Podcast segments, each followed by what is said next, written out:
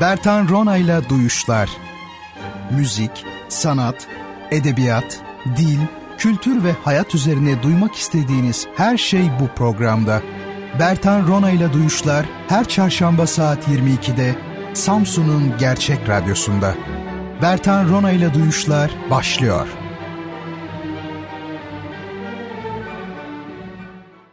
Sevgili dinleyicilerim, Duyuşlardan hepinize İyi geceler efendim. Bugün 7 Ekim 2020 Çarşamba ve her hafta Çarşamba geceleri olduğu gibi müzik, sanat, felsefe, edebiyat ağırlıklı bir programla karşınızda olacağım. Efendim ben Deniz Bertan Rona Duyuşlar programını sizler için hazırlıyorum ve her hafta e, sunmaya çalışıyorum. Bu gece de öyle olacak. Yalnız bu gece programımız e, tematik bir program, özel bir program. Özel bir konuğum var çünkü. E, programın tamamını e, kendisine ayırdım. E, kendisi bir sonraki programımızda da bizimle birlikte olacağız. Ona çok önemli sorular sormak istiyorum. Kim konuğum? Afyon Kocatepe Üniversitesi Devlet Konservatuarı Müdürü Profesör Doktor Sayın Uğur Türkmen. Uğur Hoca'ya soracağımız çok soru var. Bunu zaten e, sosyal medyadan duyurmuştum. Kendisinin konuk olacağını duyurmuştum. E, bu geceki kitap hediyelerimiz de onun kitaplarından olacak. E, bu hediyeler dışındaki bazı çalışmalarını da değerli hocamızın e, tanıtacağım sizlere. Nasıl tanıtacağım biliyorsunuz ben e, bahsettiğim kitap gibi ya da tablo gibi şeylerin görsellerini Instagram'a yüklüyorum. Sizler bir taraftan beni dinlerken bir taraftan da o görselleri inceleyebiliyorsunuz. Efendim e, yeri gelmişken sosyal medya hesaplarımızı da belirtelim. E, Twitter'da ve Instagram'da Bertan Rona bizim sosyal medya hesabımız. E, onun dışında Twitter'da Bertan Rona ile duyuşlar gibi bir hesap da var. Elektronik posta adresimizde ya bertanrona@gmail.com ya da duyuşlar@gmail.com. Bugünkü kitap hediyelerimizi Instagram'da bulabilirsiniz. Ee, bir tanesi bir müzikal Dostluklar Biter mi? Ee, Uğur Hoca'nın, Uğur Türkmen Hoca'nın çalışmalarından biri. Sağ olsun o hediye edecek bu kitabı sizlere. Ve biri de Sevgi Çiçekleri. Bu da çocuk ve gençlik şarkılarından oluşuyor. Yine e, Uğur Hoca'nın çalışmalarından. Yine sağ olsun e, sizlere hediye edecek. E, soruları ben soracağım ama sizlere. Twitter üzerinden sosyal medyadan doğrudan mention şeklinde cevap veren ilk kişi olursanız efendim e, kitabınızı size hediye edeceğiz. E, şimdi sözü uzatmak istemiyorum çünkü e, konuşulacak çok konu var. Ben bu gece pek konuşmak istemiyorum açıkçası çünkü dinleme arzusundayım. E, Uğur Türkmen pek çok yönüyle bildiğimiz bir müzik insanı, eğitimci kendisi idareci, e, müzeci öyle bir yönü var ve tabii onun dışında besteci, teorisyen ve müzik bilimci olarak da yıllardan beri müzik camiasının tanıdığı bir isim. Ona pek çok soru e, soracağım. Benim için konforlu bir program olacak bu. Çünkü kendisini dinleyeceğim. E, istifade etmek istiyorum. Ve onun dışında müzikle ilgili bütün dinleyicilerimi dinle, dinlemeye zaten davet ediyorum program ama ben müzik dışındakileri de özellikle davet ediyorum. Çünkü e, burada yeri gelecek Türkiye'deki sanat e, sorunlarından e, bahsedeceğiz ya da bizim avantajlı olduğumuz hususlardan bahsedeceğiz. Efendim yeri gelecek e, kurumsal işleyişlerden bahsedeceğiz. Dolayısıyla siz müzisyen olmak zorunda değilsiniz bir resim e, öğrencisi ya da bir e, konservatuvarda resimde e, öğretim üyesi de olabilirsiniz. Fark etmez. Ya da bir edebiyatçı olabilirsiniz. Hiç önemli değil. E, doğrudan sizi ilgilendirecek burada da pek çok konu var. O bakımdan bütün dinleyicilerime A'dan Z'ye dikkatle dinlemelerini öneriyorum. İki ayrı program yapacağım Uğur Hoca ile ki bu iki ayrı programda da aslında meselelerin belki e, sadece işte girizgahını yapmış olabileceğiz. Çünkü öyle iki programda olsaydı öyle değil mi? Bütün meseleler e, hallolurdu. Güzelliklere daha fazla güzellikler katılabilirdi ama bu o kadar kolay olmuyor. E, hoca sağ olsun e, bizi kırmadı. Değerli hocam hoş geldiniz, şeref verdiniz. Sevgili Bertan Hocam hoş bulduk. Ee, sen de hoş geldin. Çünkü e, daha önce Giresun'da çalışıyordun, onun öncesinde Samsun var. E, dolayısıyla şu anda Afyonkarahisar Üniversitesi Devlet Konservatuarı'nın e, bir öğretim üyesisin. Üniversitemizin bir mensubu, konservatuarımızın mensubusun. Senle yaklaşık 10 yıldır tanışıyoruz. Tanıştığımız günden bugüne gelişimini dikkatle izliyorum, çalışmalarını dikkatle izliyorum ve senin konservatuarımızda olman hem konservatuarımıza çok büyük güç verecek hem üniversitemize çok büyük güç verecek. Sadece konservatuarımıza değil, e, diğer disiplinlerdeki arkadaşlarımızla da hemhal olacağını ve onlarla çok güzel işler yapacağını düşünüyorum. Özellikle sosyoloji bölümü, felsefe bölümü, hatta hatta işte diğer edebiyat bölümü, tıptaki arkadaşlarımızla. Dolayısıyla hem konservatuarımız hem üniversitemizin diğer birimleri hem de Afyonkarahisar için e, çok büyük bir katkı sağlayacağına inancım sağlam. Senin için de ailen için de ümit ederim hayırlı günler gelir, güzel başarıları imza atarsın. Biz de bu başarılarından mutluluk duyarız. Ümit ederim bu güzel çalışmalarında devam eder. E, ben e, müsaadeniz olursa öncelikle sizi tanıtmak istiyorum çok değerli dinleyicilerime. Sevgili dinleyenlerim, Uğur Türkmen aslen Kütahyalı 1971 yılında Kütahya'da doğdu. E, bu kadim kentimizde dünyaya geldi. İlk orta ve lise öğrenimini Kütahya'da tamamladı. 1993 yılında Uludağ Üniversitesi Eğitim Fakültesi Müzik Öğretmenliği bölümünü bitirdi. 1996 yılında Selçuk Üniversitesi'nden bilim uzmanlığı, 2005 yılında ise Bolu Abant İzzet Baysal Üniversitesi Müzik Anabilim e, dalından doktora derecelerini aldı. 1993 ee, yılında Niğde Üniversitesi'nde müzik okutmanı olarak göreve başladı. 2000 yılında üniversitedeki görevinden 6 arkadaşıyla birlikte istifa etti. 2001 yılında Kütahya iline öğretmen olarak atandı ve Anadolu Güzel Sanatlar Lisesi'nde görevlendirildi. 2006 yılında Afyon Kocatepe Üniversitesi Devlet Konservatuarı Müzik Bölümünde yardımcı doçent doktor olarak göreve başladı. 2011 yılında doçent, 2017 yılında profesör olarak atandı. Halen aynı üniversitede yani Afyon Kocatepe Üniversitesi'nde görevine devam etmektedir. Devlet Konservatuvarı'nda e, müdürlük görevi de vardır. E, teori solfej pedagojisi, müzikte araştırma yöntemleri, sosyal psikoloji ve müzik, sistematik müzikoloji çalışmaları, Türk müziğinde çok seslilik uygulamaları ee, Uğur Türkmen Hoca'nın verdiği dersler arasında özellikle eğildiği, e, ilgi duyduğu alanlar arasında müzik eğitimi ve müzikoloji alanlarında ulusal ve uluslararası bilimsel toplantılarda bildirileri, mesleki ve hakemli dergilerde makaleleri, kitapları yayınlandı Uğur Türkmen'in. Eğitim müziğine yönelik çalışmaları, çocuk ve gençlik şarkıları ki bu akşam hediye edeceğimiz kitaplardan biri o şekildeydi. Hatta ikisi o şekildeydi. Oda müziği ve orkestra eserleri birçok konserde seslendirildi. E, Uğur Türkmen Hoca'nın e, oda müziği yapıtlarını, orkestra yapıtlarını da yine e, tanıtacağız programda. Daha doğrusu e, Instagram'dan siz görebileceksiniz. Instagram'daki bütün e, dinleyicilerimin de görebileceği şekilde altında bilgiler e, vererek e, paylaşacağım zamanı geldiğinde. Önceden paylaşmak istemiyorum. Mümkün mertebe eş zamanlı e, paylaşmak istiyorum. Şimdi daha fazla e, gecikmeden ilk sorumu e, sormak istiyorum. Çok değerli hocam e, tekrar teşekkür ediyorum. Gerçekten şeref verdiniz katıldığınız için. E, bu gece e, müzisyen değil sadece radyo programcısı bir Bertan olmanın konforunu yaşayacağım az önce ifade ettiğim gibi.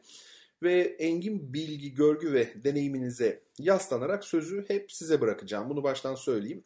E, çünkü siz çok yönlü bir müzik insanısınız ve benim eğitimci, idareci, işte müzeci, besteci, teorici ve müzik bilimci olarak farklı ama birbiriyle e, oldukça ilgili alanlara emek veren e, Uğur Türkmen Hoca'ya soracağım çok fazla e, soru var. Dilerseniz hemen sorulara geçelim. Siz de zaten e, laf kalabalığını sevmezsiniz, işi seversiniz onu biliyorum.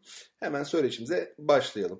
E, şimdi hocam e, benim bu geceki diğer bazı sorularım gibi ilk sorum da çok klasik olacak belki ama konuşacağımız konuları pek bilmeyen dinleyicilerim de biraz gözeterek aslında sormak durumundayım. Ülkemizde müzik eğitimi alanında son yıllarda biz önemli ilerlemeler kaydettik ancak hala bazı sıkıntılarımız olduğu bir gerçek. Sizce Türkiye'de müzik eğitiminin sorunları nelerdir? Sevgili radyo gerçek dinleyicileri, değerli çalışanları ve değerli dostum Bertan Hocam. E, herkesi sevgiyle, saygıyla selamlıyorum. E, müzik eğitimi elbette ki sadece bizim ülkemizde değil, hemen hemen her ülkenin kültüründe, e, yaşantısında çok çok önemli.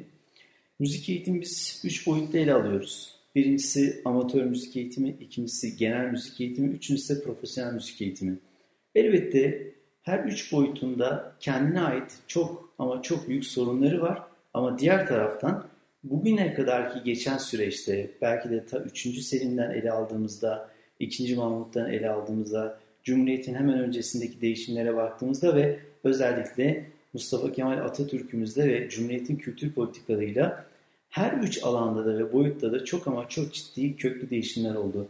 Örneğin e, mesleki müzik eğitimi veren kurumlar 1924'te Musiki Muallim Mektebi'nin açılması, 1936'da Ankara'da Devlet Konservatuvarı'nın açılması, 1975'te ilk defa Türk müziği eğitimi verilen bir e, geleneksel Türk müziği eğitimi verilen bir konservatuvarın açılması ve bugün mesleki müzik eğitimi veren kurumların sayısına baktığımız zaman 48 konservatuvar, 30'a yakın müzik öğretmenliği bölümü ve yine Güzel Sanatlar Fakülteleri bünyesinde müzik teknolojileri, efendim söyleyeyim müzik bilimleri gibi veya müzik bölümü çalgı ve ses eğitim verilen bölümler gibi birçok farklı yapılanmayla karşı karşıya geliyoruz. Geçenlerde bir sohbetimize sordular. Bu kadar konservatuar çok değil mi? Türkiye'de 48 konservatuar var ve bu 48 konservatuar e, Türkiye Cumhuriyeti için çok değil mi diye. Ben de çok samimi ve gerçekçi bir duygularla ve şunu ifade etmeye çalıştım. Hiç de çok değil. Çünkü bugün Afyon örneğinden yola çıktığınızda baktığınız zaman sayısız CD yapmışız, sayısız kitap yapmışız, sayısız bilimsel ve sanatsal etkinlikler gerçekleştiriyoruz.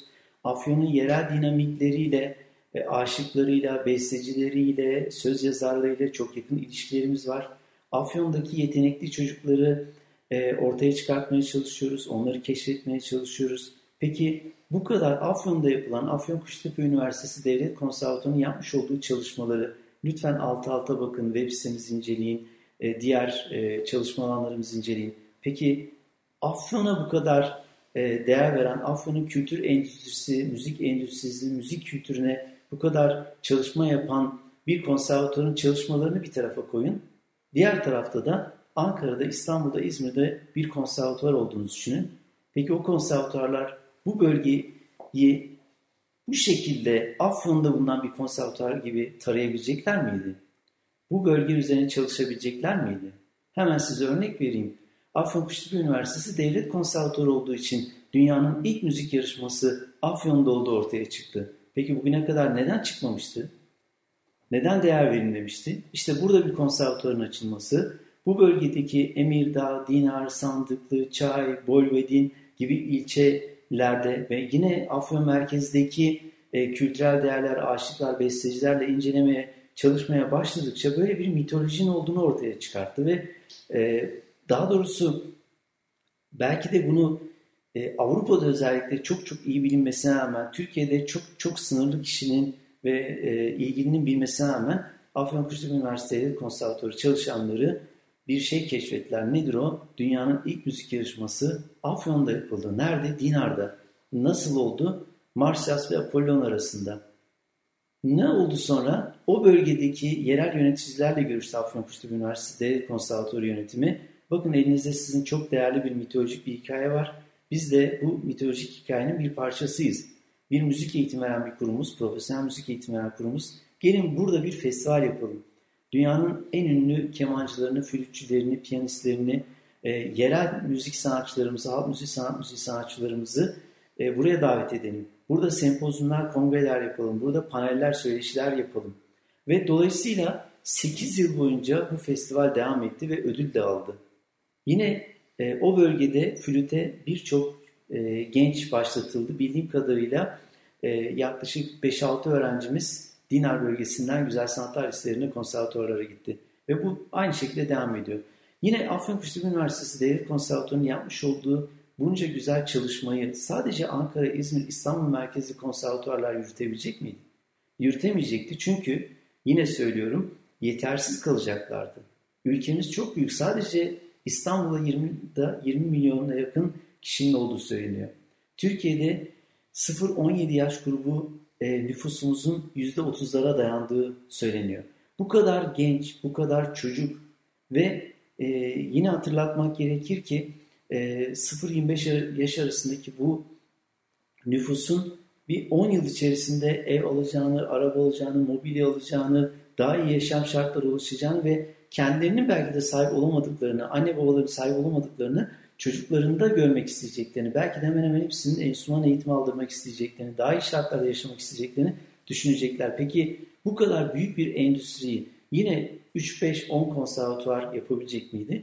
Elbette yapamayacaktı. Tabii şunu da söylemek gerekiyor. Yani 3-5 kişiyle konservatuvar açılmayacağını biz de biliyoruz. Fiziki imkanları iyi olmayan konservatuvarın olmayacağını biz de biliyoruz.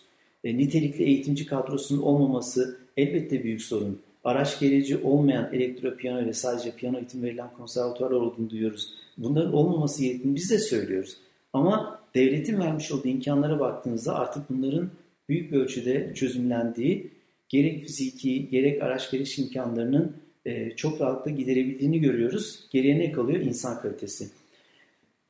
Bu konuda söylemek istediğim bir diğer konu mesleki müzik eğitimi veren kurumların elbette ki felsefi sorunların olduğunu, elbette ki e, genel anlamda bakıldığında gerek öğrenci kapasitesinin veya ilgi alanının düştüğü noktasında elbette biz de bunları sıkıntı olarak görüyoruz ama diğer taraftan konservatuarların 48'inin de bulundukları ilde, bölgede ve ülke genelinde hatta ve hatta e, dünya çapında e, işler yaptığını görüyoruz, duyuyoruz ve bundan büyük mutluluk duyuyoruz. Çünkü e, Zonguldak'tan Adıyaman'a, Kars'tan Edirne'ye, e, Adana'dan İstanbul'a, Ankara'dan Mersin'e birçok yerde konservatuarımız var. Ve yine 30'a yakın müzik öğretmenliği bölümümüz var. Bunlar ellerinden geldikçe e, bu ülke topraklarına, bu ülke insanlarına katkıda bulunmak istiyorlar. Gerek yapmış oldukları bilimsel ve sanatsal çalışmalarla, gerekse bilimsel üretimlerle e, emek harcıyorlar. Hepsi takdire değer. Sorunlar noktasında yine sorunuzla bağlantı olarak söyleyeyim. Elbette ki sorunlar yok değil. Yani her şey toz pembe değil. E, örneğin akademik kadro olma sıkıntısı, örneğin mezun ettiklerinizin istihdam sıkıntısı, örneğin dünya ile yarışabilme sıkıntıları e, saymakla bitmez. E, akla hayale gelmeyecekler sorunları dile getirebilirsiniz. Ama diğer taraftan e, bu sistem içine girmişseniz, bu sistem içerisinde ne yapabiliriz sorduğunuz zaman yine Afyonkuştepe Üniversitesi Devlet Konservatuarı örneğinden yola çıkarsanız e, toplumla hemhal olmuş, e, topluma ayak uydurabilmiş, toplumu kendisiyle entegre edebilmiş ve kendisi de toplumun dinamiklerini, beklentilerini doğrultusunda çalışma yapmış bir konservatuarla karşılaşıyorsunuz. Sanırım konservatuar felsefesinin bu yönde veya müzik öğretmenliği bölümleri felsefesinin bu yönde olması gerekiyor. Yani çok yönlü, çok boyutlu ve çok katmanlı. Bir şey daha var biliyorsunuz üniversitede yüklenen 3 tane sorumluluk var. Bir tanesi nitelikli eğitim öğretim. Evet bunun çözümlerini yine bulacak olan bizleriz. İkincisi mutlaka mutlaka bilimsel araştırmalar yapmanız isteniyor sizden. Üçüncüsü de topluma hizmet etmeniz isteniyor. Yine Afyonkuşlu Üniversitesi Devlet Konservatuvarı'ndan yola çıkarsak hakikaten çok nitelikli bir eğitimci kadromuz olduğunu söyleyebilirim. Mezunlarımıza da baktığımız zaman çok başarılı mezunlar verdiğimiz birçok konservatuvarcıda da söyleniyor. Bilimsel araştırmalara baktığımız zaman son 3-4 yılda üretilen CD sayısına, kitap sayısına, ansiklopediye, makaleye, bildiriye ve yine çok nitelikli resitallere, konserlere baktığınız zaman çünkü bizim bir ayağımızda budur, icradır, bir ayağımız bilimdir. Mutlaka çok güzel nitelikli işlerin yapıldığını görüyorsunuz. Diğer boyut neydi? Topluma hizmet. Evet 120'ye yakın konser var yıl içerisinde. Hakikaten çok değerli ve Afyon halkının konservatuarla olan ilişkisine baktığınız zaman e, onların da mutlu olduğu ve olumlu eleştiriler ve çok güzel katkılar, önerilerde bulunduklarını görebiliyoruz. Peki e, genel müzik eğitimi nedir? Genel müzik eğitimi işte anaokulundan başlayıp lise sona kadar hemen hemen hepimizin aldığı bir müzik eğitimi. Elbette buradaki en büyük sıkıntılarımızdan bir tanesi müzik öğretmenliği sayımızın yetersiz olması. Yani ülke geneline baktığınız zaman 81 milyonluk bir ülkede müzik öğretmeni sayımızın çok çok çok daha fazla olması gerekiyor. 90'a yakın Güzel Sanatlar Lisesi var. Bu Güzel Sanatlar e, liselerindeki öğretmen sayılarının çok daha artması gerekiyor. Yine e, örneğin Afyonkarahisar'da 100-110 müzik öğretmeni varsa bu sayının belki de 200 olması gerekiyor. Dolayısıyla e, bu noktada e, mesleki müzik eğitim veren müzik öğretmeni yetiştiren kurumların da e, sayısını veya mezun vermelerinin çok olmadığını düşünenlerden. Çünkü biz çok büyük bir ülkeyiz. Bir de e, biz neden sadece ülkemizi düşünüyoruz onu da anlamış değilim. Yani bir konservatuar yöneticisi olarak, bir konservatuarda hoca olarak, eğitim fakültesinde eğitim görmüş, e, bir eğitmen olarak, müzik eğitimcisi adayı olarak ve müzik eğitimcisi olarak bunu anlamış değilim. Balkanlar yüzlerce yıl bizdeydi. Orta Doğu yüzlerce yıl bizdeydi. Biz Asya'yız, biz Anadolu'yuz. Yani dolayısıyla biz Avrupa'yız. Sadece Almanya'da 3,5 milyon Türk var. Neden bizde bu e, kültür endüstrisinin bir yelpazesini sadece sanatçı, sadece icracı penceresinden bakıyoruz ki? Yani e, arkeomüzikoloji diye bir alan var mesela. Neden biz e, arkeomüzikolojiyle uğraşan bir e, birey yetişmesin konservatuarlardan, müzik öğretmenliği bölümlerinden? Neden müzik psikologu yetişmesin? Neden müzik sosyologu yetişmesin? Neden müzik felsefesi yetişmesin? Neden kültür endüstrisinin sinema, televizyonlar, reklamcılığına kadar, e, oyunculuktan tiyatroya kadar birçok yelpazesinde e, konservatuar mezunları ve müzik öğretmenliği mezunları istihdam edilmesin? Neden hastanelerde müzik öğretmenleri, müzik eğitimcileri olmasın? Neden televizyon kanallarında, CEO'larda müzik eğitimcileri, profesyonel icracılar olmasın? Yine söylüyorum Balkanlar, Anadolu, Orta Doğu, Afrika, Asya devasa bir coğrafya ve Avrupa. E, bugün e, bu kadar geniş bir coğrafyada o kadar çok nitelikli insana ihtiyaç var ki müzik alanında ve e, yine eğitimci olarak, icracı olarak, besteci olarak, araştırmacı olarak. E peki e, bunları anlatabiliyor muyuz? Maalesef ve maalesef anlatamıyoruz. Benim şikayetim biraz da şu. Müzik öğretmeni olduğu zaman bir e, arkadaşımız, dostumuz, meslektaşımız biraz işine kapanıyor. Halbuki müzik öğretmeni gerekirse derleme yapacak, gerekirse araştırmacı olacak, gerekirse öğretmen olacak, gerekirse efendime söyleyeyim e, bulunduğu ilde korolar çıkartacak, gerekirse o sadece okulunu değil, okulun etrafını, diğer okulları, bölgeyi, mahallesini, ilçesini ne yapacak? Tarayacak ve yetenekli öğrenciler çıkaracak. Yanlış hatırlamıyorsam şöyle bir hikaye vardı Şeyh Şamil ile ilgili. Şeyh Şamil e, yakalanıyor ve Rus komutanla şöyle bir diyalog geçiyor aralarında. E, Rus komutan diyor ki nasıl bu kadar başarılı oldunuz? O da şöyle bir cevap veriyor. Eşim sayesinde.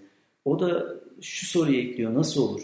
Eşim bana saygı duydu ki ailem, çocuklarım, çocuklarım saygı duydu ki akrabalarım, akrabalarım saygı duydu ki e, ilçem, ilim, ülkem diyor. Yani bir müzik öğretmeni de önce kendi okulunda saygın bir noktaya gelmeli ki onun ilçe milli eğitim müdürü, il milli eğitim müdürü, diğer müzik öğretmenleri de saygı duysun. Aileler saygı duysun. Bunun için de e, kaçarak, küçerek olmaz. Ne yapmak gerekiyor? Korolar çıkartmak gerekiyor. Yetenekli çocukların peşinden koşmak gerekiyor. Gerekirse onlardan bir bedel özel dersler vermek gerekiyor ve genel müzik eğitiminin niteliğini nasıl artırabilirim? Bunun derdinde olması gerekiyor. Ve en önemlisi elbette ki mesleki dayanışma. E, bu da çok çok önemli. Böyle bir gittiğim farkındayım ama amatör müzik eğitimine de değinmek lazım. Profesyonel müzik eğitiminden bahsettik. Meslek olarak seçen bireyler ne yapıyorlar? Konservatuara yöneliyorlar, müzik öğretmenliği bölümlerine yöneliyorlar, güzel sanatlar fakültelerine yöneliyorlar. Oradan da sanatçı, icracı, eğitimci, besteci ne yapabiliyorlar? Araştırmacı çıkabiliyorlar. Peki müzik öğretmenliği bölümlerinde evet öğretmen ve akademisyen çıkabiliyor. Amatör müzik eğitimi doğumdan ölüme yaş farkı gözetmeksizin ne yapabiliyorsun? Bu müzik eğitimi alabiliyorsun. Ve o kadar önemli bir müzik eğitimi ki. Yani fazla sayın bir amatör olduğunu hayal edin. 5 yaşında, 4 yaşında müzik eğitime başladın. İdil Biret de bir amatördü.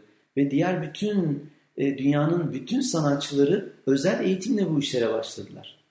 Ama amatörlük kötü bir şey değil ki. Oradan profesyonel geçiyorsun. Zaten bu işin e, psikolojisinde, doğasında, sosyolojisinde var. Evet birisi sizi alacak, yeteneğinizi keşfedecek ve bu yeteneğinizi ne yapacaksınız? Profesyonel müzik eğitimi çünkü yarı zamanlısı tamam belki ilkokul 1-2-3'te başlıyor olabilir ama siz tam zamanlı bir konservatuar eğitimine ancak ne yapıyorsunuz? 5. sınıfta başlayabiliyorsunuz profesyonel anlamda.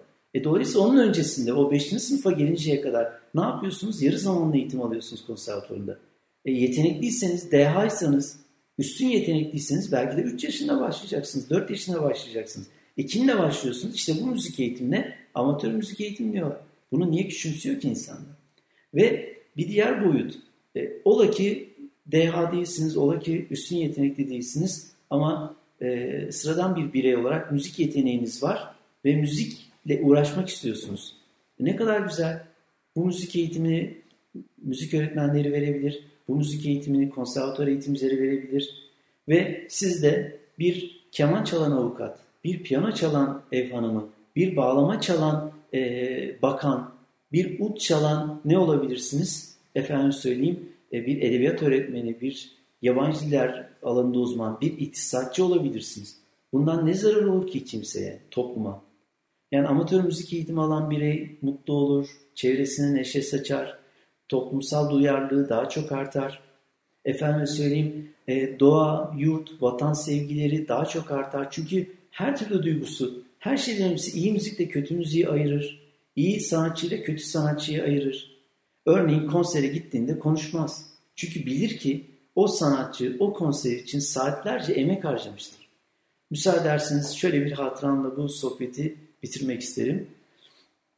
Kütahya'da 13-14 e, keman öğrencim vardı ve bu keman öğrencilerimde e, belki de Kütahya tarihinde ilk defa bir piyano konseri yapılmıştı. O konsere beraber gittik.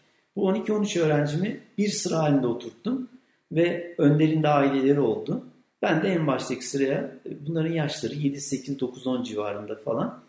E, Yıldız Astonova çok değerli bir hocamız Bursa Uludağ Üniversitesi'nden ve eşi rahmetli Hasan Adır Güzelzade konsere gelmişlerdi.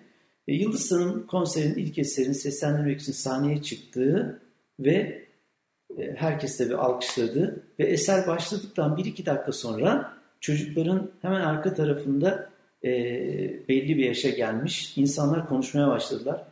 Ben hiç hayatım boyunca unutamayacağım. 12-13 çocuk hepsi birden arkaya döndüler ve sus işareti yaptılar. Bir daha o salondan çık çıkmadı o gruptan en azından. Çünkü niye, neden? O 12-13 çocuk emek harcamıştı keman eğitimine. Haftada bir saat geliyorlardı.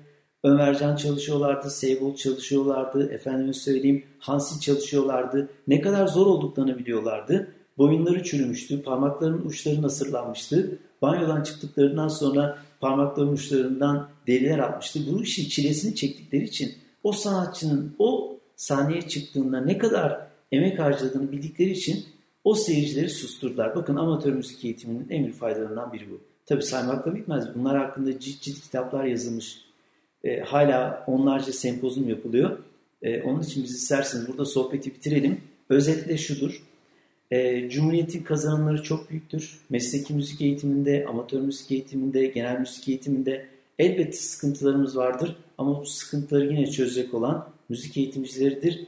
Birazcık çalışmaları, daha çok gayret göstermeleri, özleriyle yaklaşmaları gerekiyor. Çok çok çok iyi olmuş e, müzik eğitimcileri var. Ben ikisinin ismini vererek bu sorunuzun ve bu sohbetin sonuna gelmek istiyorum. Birincisi Mithat Fenmen.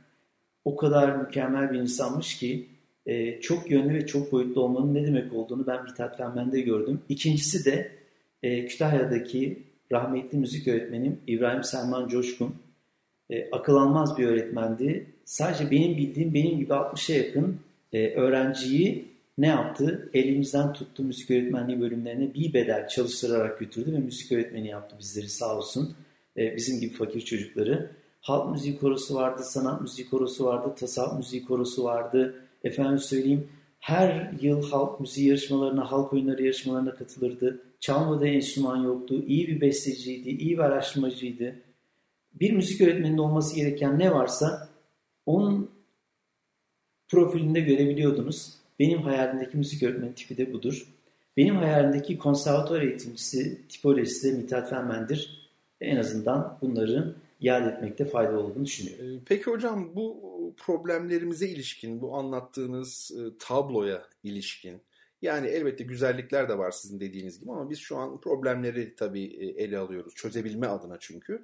E, çözüm önerileriniz var mı acaba? Yani neler yapılması gerekir? Kısaca bahseder misiniz? Elbette çözüm önerileri noktasında benim söyleyeceklerim tamamen bir müzik eğitimcisi ve bu müzik eğitiminde 27 yıl boyunca emek harcamış bir meslektaşın olarak olacaktır. Çünkü bu işe gerçekten çok kafa yoran insanlar var. Kitaplarını yayınladılar, sempozyum kongrelerde bildiriler sundular.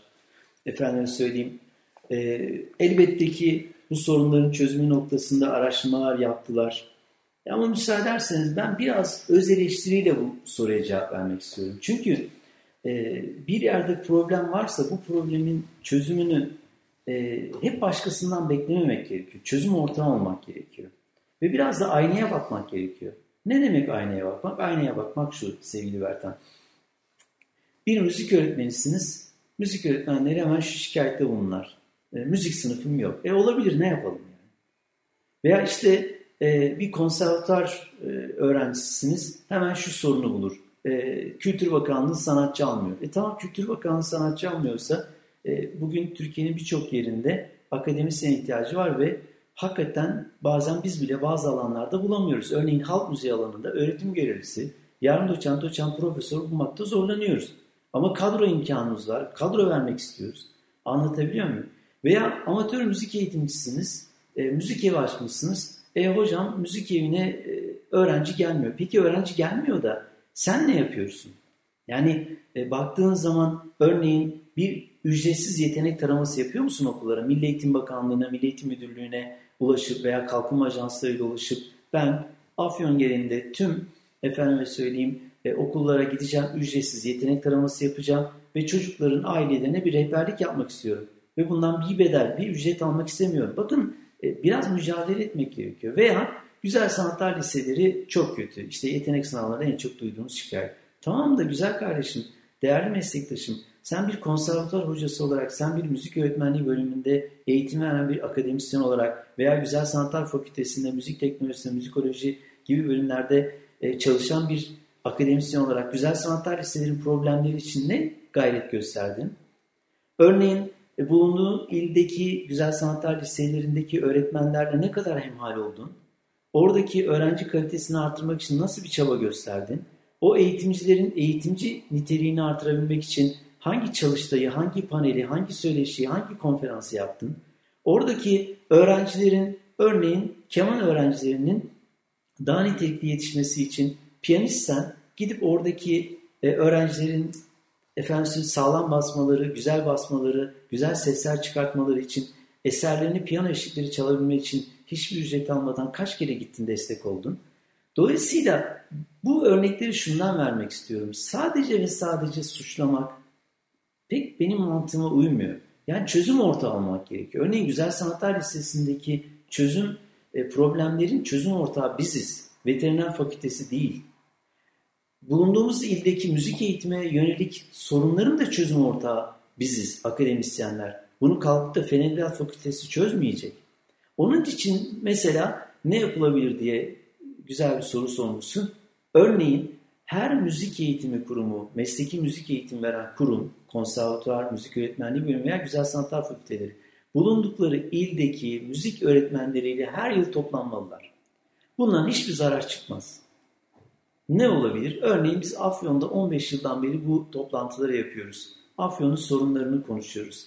Afyon'un diyoruz ki onlara bakın bir konser mi yapmak istiyorsunuz? Bir şölen mi yapmak istiyorsunuz? Yetenekli bir çocuk mu var elinizde? Veya e, müzik eğitimiyle ilgili proje mi yapmak istiyorsunuz? Biz sizin çözüm ortağınız, biz sizin paydaşınızız. Başka bir yer aramayın. Arkanızda değil, biz sizde yol arkadaşıyız. Yani bugün bir Atatürk Lisesi'ndeki müzik öğretmeniyle Afyon Koçyatepe Üniversitesi Devlet Konservatuvarı'ndaki Profesör Doktor Uğur Türkmen arasında bir fark yok. İkimiz de devletin memuruyuz. İkimiz de bu devletin çocuklarına hizmet edeceğiz. Bu kadar basit. Yani benim profesör olmam, onun öğretmen olması birbirimiz arasında bir üstünlük değil. Onun yaptığı iş belki benden çok çok daha kutsal. Belki o çok daha böyle yetenekli çocukları keşfedecek. Ben Sırça Köşkü'nde oturuyorum konservatuvarda. Ee, ama o arkadaşımız alanı biliyor. Aileleri biliyor, sosyolojiyi biliyor, psikolojiyi biliyor. Dolayısıyla e, biz birlikte yol almalıyız. O çok yetenekli bir çocuk keşfedecek. Ben de onu yetiştirmeye çalışacağım kurum olarak. Bu kadar basit. Yine bu çocuklara ulaşma noktasında 120 müzik öğretmeni var. Afyon'da yani 120-130'a yakın bildiğim kadarıyla.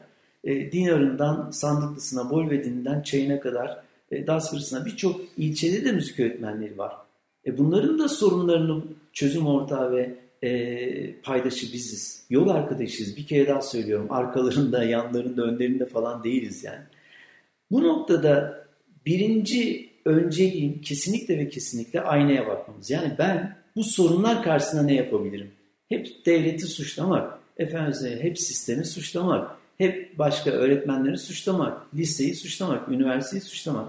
Bu noktada birazcık e, kendimize bakmamız gerektiğini düşünenlerdenim. Ya elbette e, devletin eksikleri olmayacak mıdır? Olacaktır tabii ki. Elbette sistemin eksikleri olmayacak mıdır? Olacaktır. Örneğin müzik kitaplarına baktığımız zaman çok beğendiğimi söyleyemem. Örneğin, yetiştirdiğimiz insan tipinin tam olarak e, layıkıyla olduğunu söyleyemem. Bunları biz de söylüyoruz, dile getiriyoruz ama bunun için mücadele etmek lazım ve bu mücadelede sadece ve sadece tek boyutu da gitmememiz gerekiyor. Yani yelpazeyi genişletmek gerekiyor. Müzik öğretmeni, akademisyeni, araştırmacısı hep birlikte olmak gerekiyor diye düşünüyorum. Birinci önceliğim bu. İletişim. İletişim, iletişim. Yani bu gerçekten çok çok önemli. İletişimi kopartmamak gerekiyor ve liselerle e, üniversiteleri, üniversitelerle genel müzik eğitimindeki tüm paydaşları, sivil toplum kuruluşlarını, bürokrasiyi, valilikleri, belediyeleri e, hakikaten çok çok önemli. Belediyeler hemen aklıma geliveren. Ya neden biz ötekileştiriyoruz? Belediyelerle iş yapmıyoruz ki. Konservatuarların belki de en büyük paydaşı belediyeler. Çünkü şöyle bir hayal edin. Türkiye'deki ilçelerle büyük ilçeler var bazı biliyorsunuz. Ee, İstanbul'un ilçelerini düşünün. Neredeyse e, büyük şehirlerden e, nüfus olarak daha kalabalık. Düşünebiliyor musunuz? Her ilde bir konservatuarın büyük ilçelerde belediye konservatuarının açıldığını. E burada kimler çalışacak? Konservatuar mezunları çalışacak, müzik öğretmenliği bölüm mezunları çalışacak. Dolayısıyla e, valilikler, belediyeler, sivil toplum kuruluşları bir şekilde iletişimi çok ama çok güçlendirmemiz gerekir diye düşünüyorum ve sorunların çözümünü yine hep söylediğim gibi başkalarında değil kendimizde aramamız gerektiğini düşünüyorum. Peki bunun güzel örnekleri var mı? Elbette ülkemizdeki e, mesleki müzik eğitim veren kurumlarda e, var. Müzik öğretmenlerin arkadaşlarımız da e, var. Ama bu sayının yeterli olmadığını düşünenlerdenim. Örneğin her konservatuvar, her müzik öğretmenliği bölümü bulunduğu ildeki müzik öğretmenleriyle yılda 1, 2, 3, 5 mutlaka ve mutlaka buluşmalı. Ve yine e, mesleki müzik eğitim penceresinden bakarsak bildiğim kadarıyla en son e, müzik öğretmenliği eğitim veren e, müzik öğretmeni istişare kurumlar en son 2011 yılında ana bilim dalı başkanları toplandı. En son 2010'lu 11'li yıllarda müzik eğitimi sempozyumu yapıldı. Bakın burada da bir eksikliğimiz var.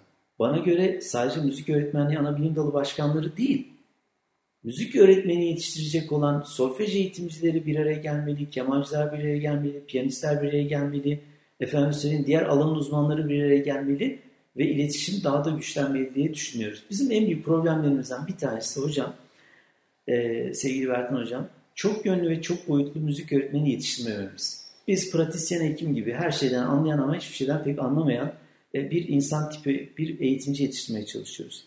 Özellikle 3 ve 4. sınıflarda bu uzmanlaşmayı, en azından uzmanlaşmanın temelini atabiliriz. Size bir örnek vereyim. E, otizmliler, belki ileride bu soruya, bu konuya değineceksiniz. Görme engelliler.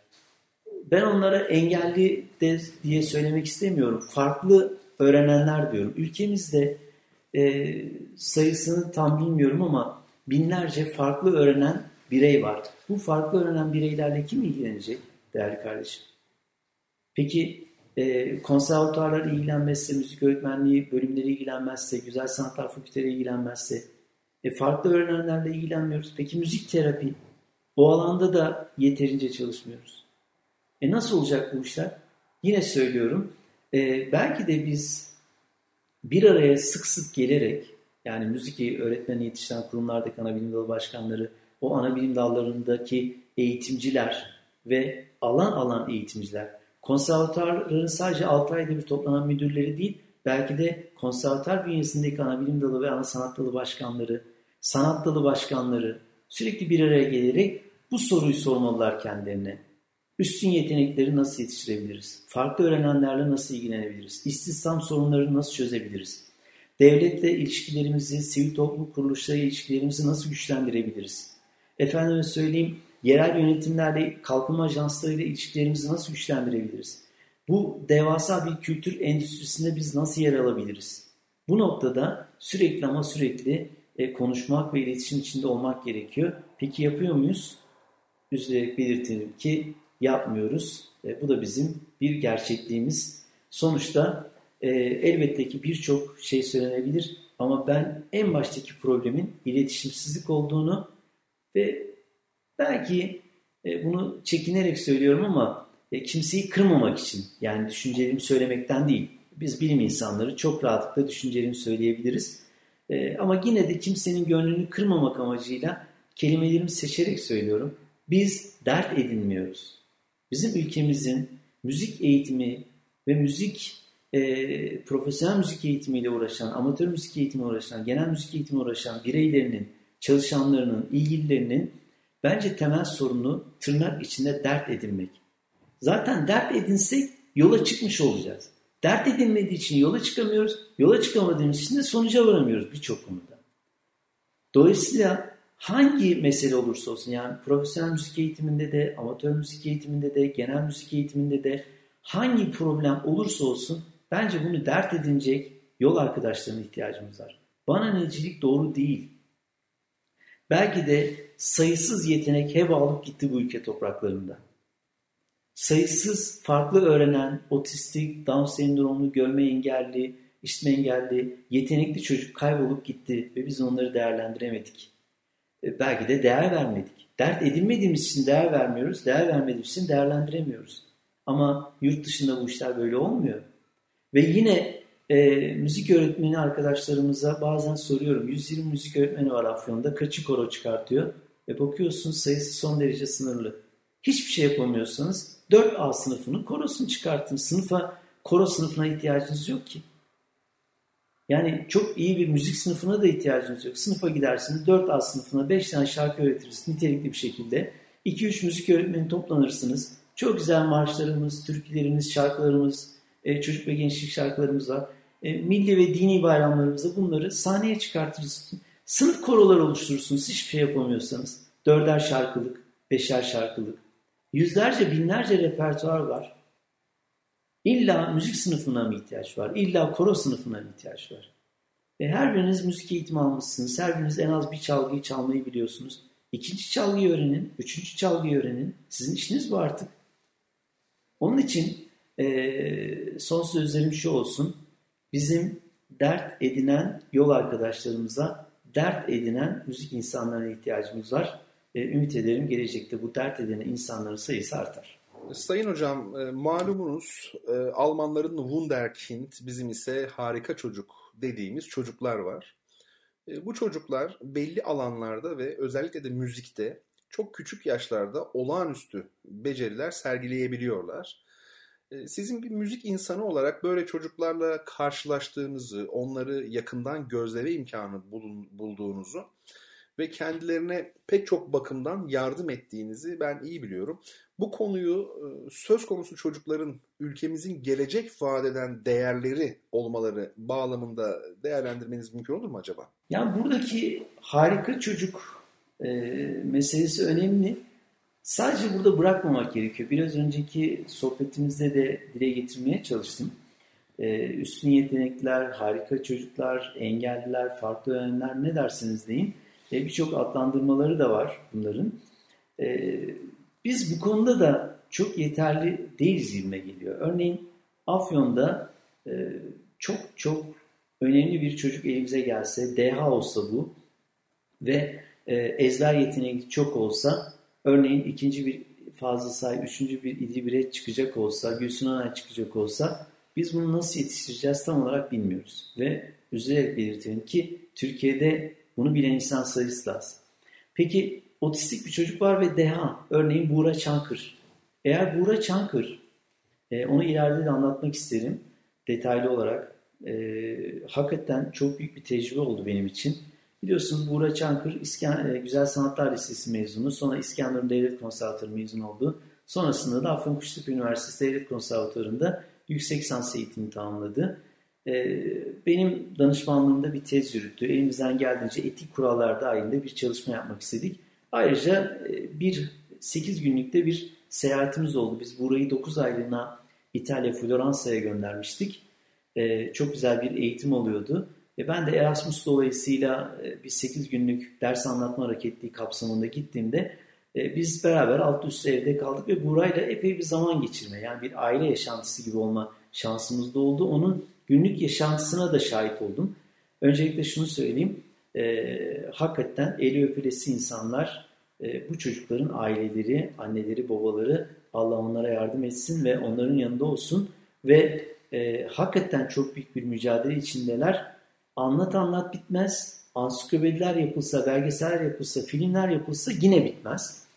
Ve nitekim biz e, burayla yaşamış olduğumuz gerek 2-2,5 yıllık yüksek sans eğitimi, ders aşaması ve tez aşamasında gerekse e, bir nevi az da olsa bir 9-10 günlük bir aile yaşantısı ortamı gördüğüm kadarıyla e, hakikaten çok ama çok önemli bir değer Buğra Çankır ve şunu sormadan edemiyorsunuz. Keşke Buğra 6 yaşında profesyonel bir müzik eğitimine başlasaydı. Keşke e, bulunduğu ildeki e, yeter öğretmenler ellerinden geleni yapmış ama Adana, Mersin, Ankara, İstanbul bu çocuğu keşfedip e, yanlarına çekip profesyonel olarak yapılsaydı. Ama maalesef kapılar yüzüne kapanmış. Ve ancak Güzel Sanatlar Lisesi'nde açılmış bu kapılar. Ben tabii kimseyi suçlamak istemiyorum. Elbette ki çok zor bir şey. Yani e, örneğin İtalya'da Buğra 9 aylığına gittiğinde İtalya Floransa'daki Cherubini Konservatuarı'nın e, değerli yöneticileri şunu söylediler bana.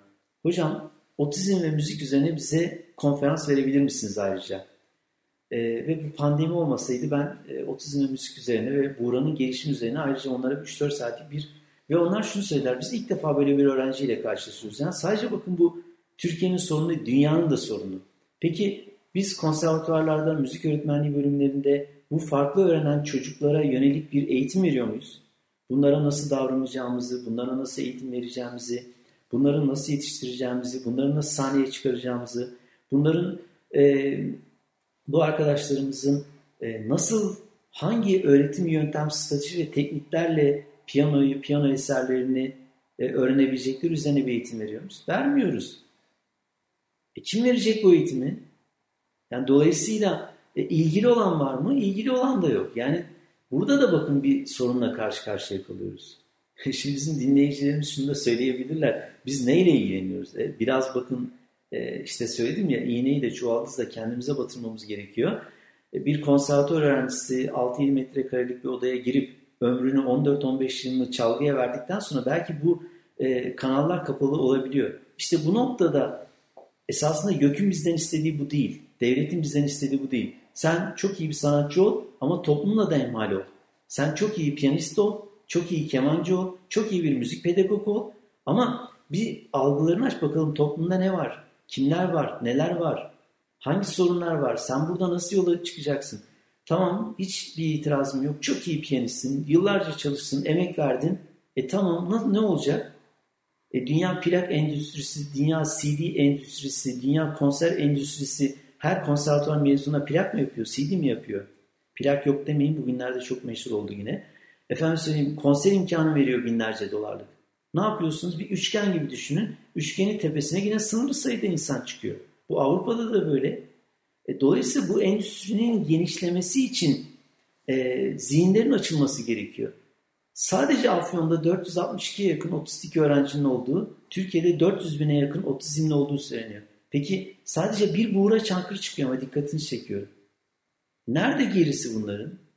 Yani hiç mi buğra çankırılar yok? Her ailede Buğra Çankırı'nın göstermiş olduğu sabrı, ailesini göstermiş olduğu sabrı göstermiyor. İşte bakın geldik mi biraz önce de konuştuk sizle. Müzik öğretmenleri yine e, akademisyenler, üniversitede çalışanlar sırça köşelerinden çıkacaklar. Pazara gider gibi, alışverişe gider gibi, AVM'lere gider gibi mahallelerine çıkacaklar. Bunları tarayacaklar, alanlarını iyi bilecekler, bulundukları mahalleyi, okulun çevresini, bölgeyi, buradaki sivil toplum kuruluşlarıyla, derneklerle iletişim halinde olacaklar. Ben ne yapabilirim sorusunu soracaklar. Örneğin iş okuluna gidip e, efendim söyleyeyim ben bir müzik öğretmeniyim. Engelliler iş okulunda e, bu terminolojiyi kusura bakmayın bazen ağzımızdan çıkıveriyor. Ben farklı öğrenenler diyorum ama onlar iş okulu diyor veya eğitim okulu başka isimlendirmeleri var onların. E, merak edenler incelesinler. Yani gidip ya ben bir koro çıkartmak istiyorum. Bir eğitim vermek istiyorum. Bir orf eğitim, bir çalgı eğitim vermek istiyorum. Nasıl yapabilirim? Biliyor musunuz? Bütün gönüllerini, bütün kapılarını açıyor onlar. Hocam siz yaptınız mı? Evet biz yaptık. E, otistik ve Down sendromların eğitim aldığı bir özel eğitim kurumuna gittik. Yani devletin kurumu bu. Ve biz 3-4 yıl koro çıkarttık orada. E, tabii sonra buradan ayrılan arkadaşlarımız falan oldu. E, ama hala bakıyorum e, o sistem orada devam etmeye çalışıyor. Bu da sevindirici bir olay. Buğra bize çok büyük bir ders oldu. Arkasından Koral diye bir arkadaşımız girdi. Zaten görme engelli öğrencilerimiz vardı. Çok başarılı. Bugün halk müziğimiz bölümümüzde okuyan var. E, fiziksel engelli olup efendim sanat müziğinde okuyan öğrencimiz var. E, efendim söyleyeyim çok ciddi anlamda müzik öğretmeni olmuş görme engelli öğrencimiz oldu mezunumuz. Dolayısıyla e, bunların sayısının artması gerekiyor. Bu da dert edinmekten geçiyor diye düşünüyorum. Peki e, konservatuvar ve müzik öğretmenliği, güzel sanatlar fakülteleri bunun için ne yapabilir diye sorarsanız yine müsaade ederseniz biraz bugünkü temel e, üzerine durduğumuz tema bu olsun. Dert edinmek. Evet konservatuvar hocaları da, müzik öğretmenliği bölümündeki hocalar da, güzel sanatlar fakülteleri de ve yine alanda çalışan e, özel müzik evleri, dernek ve vakıflarda çalışanlar, belediye konservatuarlarında çalışanlar ve devletin Milli Eğitim Bakanlığı'ndaki müzik öğretmenlerinin mutlaka çevreden evrene ilkesi içerisinde bu harika çocukları, farklı öğrenen çocukları tespit etme ve ilgilileriyle buluşturma sorumluluğu var bence. Aslında bunu bir zorunluluk haline de gitmek lazım. Yani e, keşfetmek lazım. 81 milyon ülkede sadece Buğra Çankır çıkıyorsa burada bir sorunumuz var demektir. Tabii biz e, böyle bir çalışma da yaptığımızı hatırlatayım. Buğra'nın tez konusu şuydu. E, müziğe yetenekli otizmli çocuklu olan aileler ve sorunlarıydı. E, inşallah bu tezi de kitaplaştıracağız. Bu 10 aileyle yapmış olduğumuz görüşmeyi e, otizmli ama yetenekli adlı bir kitapta toplayacağız ve ücretsiz olarak insanlara dağıtacağız bu kitabı. Yine Buğra Çankır'ın monografisine e, kısa da olsa değinen bir kitabımız da olacak ve orada babasıyla yapılan bir söyleşiyi göreceksiniz. E, sistemde ne kadar zorluk yaşadığını, müzik öğretmenlerine ile hangi zorluklarla karşılaştıklarını, eğitimleri boyunca elbette ki terazi gibi düşünün, iyiler olduğu gibi maalesef kendilerine ket vuran ve e, bu işin olmayacağını söyleyen maalesef müzik eğitimcileriyle de karşılaştıklarını profesyonel müzik eğitimcileriyle de veya işte genel müzik eğitimcileriyle karşılaştıklarını göreceksiniz, okuyacaksınız ve hayretler içerisinde kalacaksınız. İşte bu noktada yine kusura bakmazsanız biraz kendimize bakmaya, aynaya bakmaya ihtiyacımız var. E, dert edinen arkadaşlara ihtiyacımız var gibime geliyor. Çok değerli hocam ben bu e, programı iki bölümlü olarak tasarladım kafamda. E çünkü sizin dört e, şapkanızdan söz ettim. E, program başlarken. Bunlar eğitimcilik, idarecilik, müzecilik ve onun dışında da besteci, teorisyen, müzik bilimci e, şapkası, şapkanız olduğunu söylemiştim. E, sizi haftaya da konuk etmek istiyorum. Yani bu söyleşi devam etsin istiyorum aslında. Yoksa ona haftaya da konuk etmek olarak bakmayalım. Söyleşimiz devam etsin. Şimdi bu bağlamda eğitimcilikle ilgili az da olsa size sormak istediğim e, soruları sordum. Bundan sonra e, bir konservatuvar müdürü olmak nasıl bir şey? E, idarecilik nedir? Neye benzer? İşte sevk ve idare neden önemlidir? Bir idarecinin, bir yöneticinin sahip olması gereken vasıflar nelerdir? Yani bunlardan başlayıp başka noktalara kadar idarecilikle ilgili size sorular sormak istiyorum. Şimdi bir müzik arası verelim. Sizin e, çok güzel kompozisyonlarınızdan birini dinleyelim. Bu kompozisyonun ardından da programımızın ikinci kısmında sizlere e, sorular sormaya devam edeceğim. Ama tabii öncesinde e, size dinleyicilerime daha doğrusu bir soru soracağım. Bu sorunun ödülünün ne olduğu Instagram'da şu an duruyor. Kuzu gibi yatıyor orada tabiri caizse. Bir kitap kapağı görüyorsunuz Instagram'da elbette. Nedir o? Dostluklar biter mi? Bu bir müzikal. Uğur Hoca tarafından yazılmış bir müzikal. E, kendisi sağ olsun şimdi soracağım e, soruya doğru cevap veren, doğru cevabı ilk olarak veren. E, çünkü birden fazla doğru cevap olacaktır elbette. Dinleyicime hediye edecek kendisi. Doğrudan Twitter'dan Bertan Rona hesabına cevap yazmanız mümkün. Şimdi e, şöyle bir e, soru sorayım size. Biraz e, ilginç bir soru olsun. Belki SoundCloud, belki kopya veriyorum şu an. Spotify bize şey yapabilir, bu konuda ipucu verebilir. Soru şöyle, Duyuşlar programı, yani Bertan Rona ile Duyuşlar olarak bir resmi adı olan bu program bugüne kadar, yani bu bölümü, bu geceyi saymayın, kaç bölüm yapmıştır? Şu ana kadarki bölümlerimiz, bu geceyi saymıyoruz. E, bunun cevabını bize verin ve bizler de size kitabınızı gönderelim. Şimdi sizleri Uğur hocamızın çok güzel, e, çok zevkli müziğiyle e, baş başa bırakıyoruz efendim.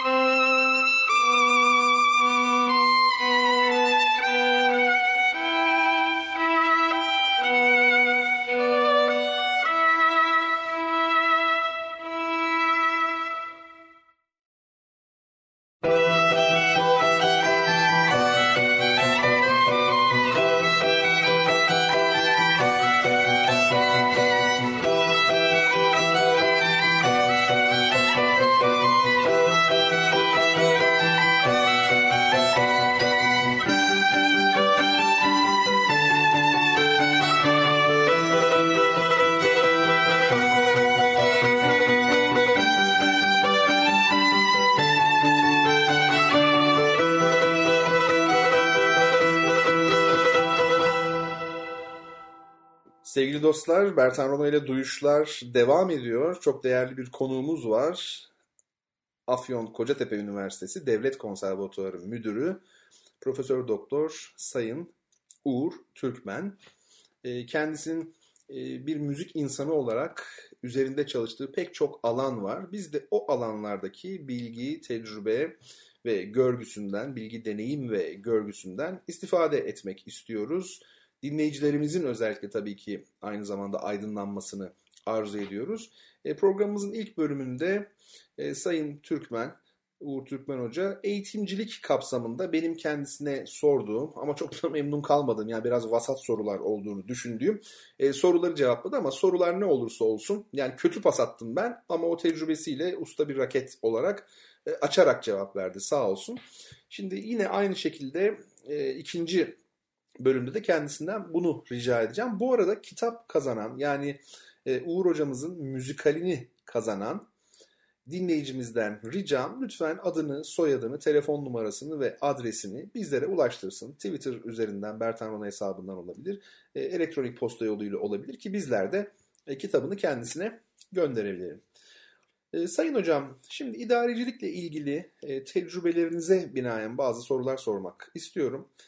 E, bir konservatuar müdürü olmak hakikaten neye benziyor? Yani eminim oraya oturulduğu zaman farklıdır iş. Dışarıdan göründüğü gibi değildir. Her iş öyledir belki ama ben e, konservatuarlarda da bulundum. Devlet Operada Balesi'nde de çalıştım. Özellikle operada çalışırken müdür odalarında belli vesilelerle çok bulundum. Ee, il koordinatörlüğü yaptım, sanat danışmanlığı yaptım ya da ne bileyim buna benzer şeyler. Ya da müdür çok yakınımdı, genel müdür çok yakınımdı. Odalarda çok bulundum. Ve dikkatim çeken şu oldu. Bir opera çalışanı olarak, bir koro şefi Bertan olarak operayı algılayışım dışarıda farklı ama yönetim odasında bambaşka görünüyor her şey. E, sadece bu açıdan e, değil, onun dışında eminim çok incelikleri vardır. Siz de hakikaten e, son 10 yılların yetiştirdiği bana göre yani belki bir radyo programında kompliman oluyor bu ama e, olsun yani düşüncem bu yönde. Dinleyicilerim de bilirler hiç e, sakınmadan söylerim genellikle fikirlerimi. Hakikaten e, bir e, şey böyle hani idareci, yönetici dehası da, dahi gibi bir durum var. Bunu tanıyanlar biliyor, abartmadığımı da bilirler. E, şimdi e, işte bu özelliklerinizle, bu tecrübenizle bize biraz anlatır mısınız? E, konservatuvar müdürü olmak neye benziyor? Ya elimde imkan olsa konservatuar e, müdürleri biliyorsunuz 3 yılda bir atanıyor. E, herkesin bu işi sırayla yapması gerektiğini düşünenlerdenim. Yani bölüm başkanlıklarını, ana bilim dalı başkanlıklarını, ana sanat dalı başkanlıklarını, müdürlüğü, dekanlığı e, sürekli birinin üzerinde durması çok idarici ve liderlik boyutuyla baktığımda pek doğru gelmiyor bana.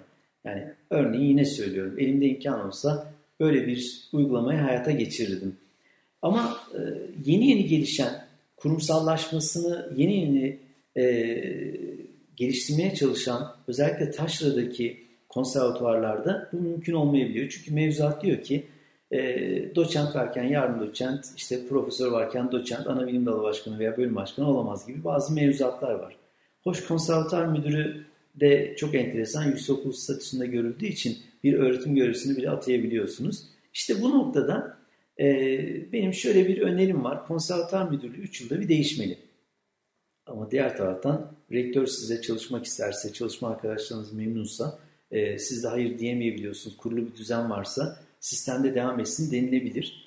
E, bu noktada fikrimi e, dile getirmekten de çekinmiyorum. Çünkü e, müdürlük kolay bir hadise değil. Neye benziyor diye sormuşsun. Valla neye benziyor, nasıl, ne, ne diyeyim şimdi, yılana benziyor mu diyeyim? Yani e, eşeğe benziyor mu diyeyim ne diyeyim bir şeye benzemiyor ama e, şunu rahatlıkla söyleyebilirim. Zor bir kurum. Çünkü e, biliyorsun benim odam konservatuar e, müdürlüğü odası e, yukarıda ve kendi ders odam yani öğretim üyesi odam da aşağıda. Bazen şunu söylüyorum yukarısı dert odası aşağısı ders odası.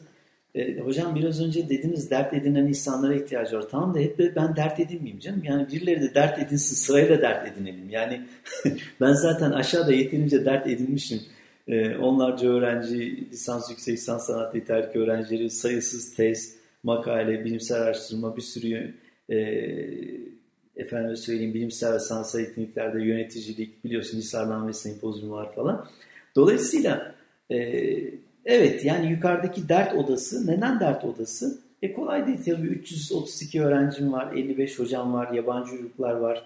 E, üniversite yönetiminin senden beklentileri olduğu gibi eğitimci arkadaşlarının senden beklentileri var ve öğrencilerin de senden beklentileri var. Hele şu pandemi döneminde biliyorsun e, çok ama çok büyük zorluklar yaşıyoruz ve herkesin kendine ait bir bakış açısı. Dolayısıyla neye benzeyip neye benzemediği noktasında şu kadarını söyleyebilirim. E, bu kurumlarda bir kere öncelikle konservatuar e, yöneticisi olarak alandan birisi olsun. Yani e, örneğin veteriner olabiliyor, örneğin e, tıp alanından olabiliyor, örneğin başka birimlerden olabiliyor. E, bu noktada tavrım çok net. E, tartışmaya da gerek yok. Her ne olursa olsun yani sanat eğitimi almış, konservatuar eğitimi almış, müzik öğretmenliği eğitimi almış, e, Güzel Sanatlar Fakültesi eğitimi almış yani müzik alanında birisinin olmasını şiddetle ve şiddetle öneriyorum. Elbette yine alandan iki müdür yardımcısını zaten atamak zorundasınız. Bir diğer nokta istişare kültürünü ben önemseyenlerdenim. Yani e, lider dediğiniz her şeyi kendisine toplayan kişi değildir. Örneğin e, yaklaşımım şu, bir sorumluluğu verirsiniz bir bireye, örneğin ana sanatlı başkanına ve arkanıza bakmazsınız. Dersiniz ki ben sana güveniyorum, sana itimadım sonsuz. Lütfen e, güzel bir sistem kur ve ben sadece ihtiyaç olduğunda devreye gireyim. Dolayısıyla e, bölüm başkanlığı e, her şeyin sende toplandığı bir yer değil veya müdürlük veya dekanlık her şeye hakim olamazsınız zaten. Düşünebiliyor musun? Bizde 5 bölüm var, 4'ü aktif, 8 ana sanat dalı var. Örneğin opera ana sanatlarındaki bir problemi müdür nereden bilsin? O problemi çözecek olan ana sanat dalı başkanı. O da çözemiyorsa o bölümün başkanı. Müdür ancak ve ancak çok büyük problemlerde devreye girer. Dolayısıyla bizim konservatuarımızda işleyen sistem bu. Bizde 8 ana sanat dalı kendi sistemlerini kurmuşlardır. Kendi hiyerarşik sistemleri içerisinde istişarelerini yaparlar, kararlarını alırlar. Bölüm kurulumuna gelir bu kararlar ve düşünceler, tartışmalar. Oradan da konservatuar kuruluna gelir. O bölümün başkanı ve ana sanat dalı başkanları konservatuar kurulundadır. Konservatuar kurulunda o bölümle ilgili bir karar alınacaksa bunlar savunmalarını yaparlar. Konservatuar kurulunda bunlar açıklanır ve her şey istişare kültürüyle yerleşir. Ee, bir belediye başkanı sanırım şöyle bir şey yapmış.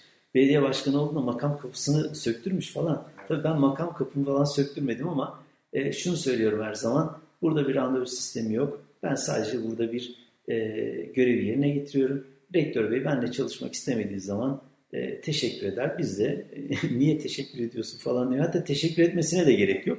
Yani der ki e, özel kalemine söyler. Uğur hocam e, ayrılın der. Bu kadar basittir bu işler. Yani e, dinleyicilerimiz e, yaban atmasınlar söylediklerimi. Evet bu kadar basittir. Yani rektör kimle çalışmak istiyorsa çalışır. Biz de geçer, devam ederiz. Yani müdürlük yapsanız ne, yapmasanız ne. Yani insanlara baskı kursanız ne, baskı kurmasanız ne. Her şey istişareyle, söyleşiyle, güzel diyaloglarla kurulabilir. Bizim konservatuarımızda da randevu sistemi yoktur. Herkes istişare içerisinde düşüncelerini söyler, tartışır. E, elbette hoşumuza giden kararlar, hoşumuza gitmeyen kararlar olabilir. Örneğin e, bir konu ortaya atılır. E, ben bir oyun var, bir oyun var derim ve bunun ötesine gitmem. Çünkü ne olacak ki? Yani e, müdürlük böyle bir kullanılacak bir makam mevki değildir ki. Siz oyunuzu verirsiniz. Çoğu zaman da benim sevmediğim şeyler de çıkar onu söyleyeyim yani. Örneğin Müzik ve Sahne Sanatları Fakültesi değişimi söz konusu olmuştu konservatuarımızda. E, biraz önce söylediğim gibi konservatuar kurullarını topladık, ana sanat dalı kurullarını topladık, istişareler yaptık, onu yaptık, bunu yaptık.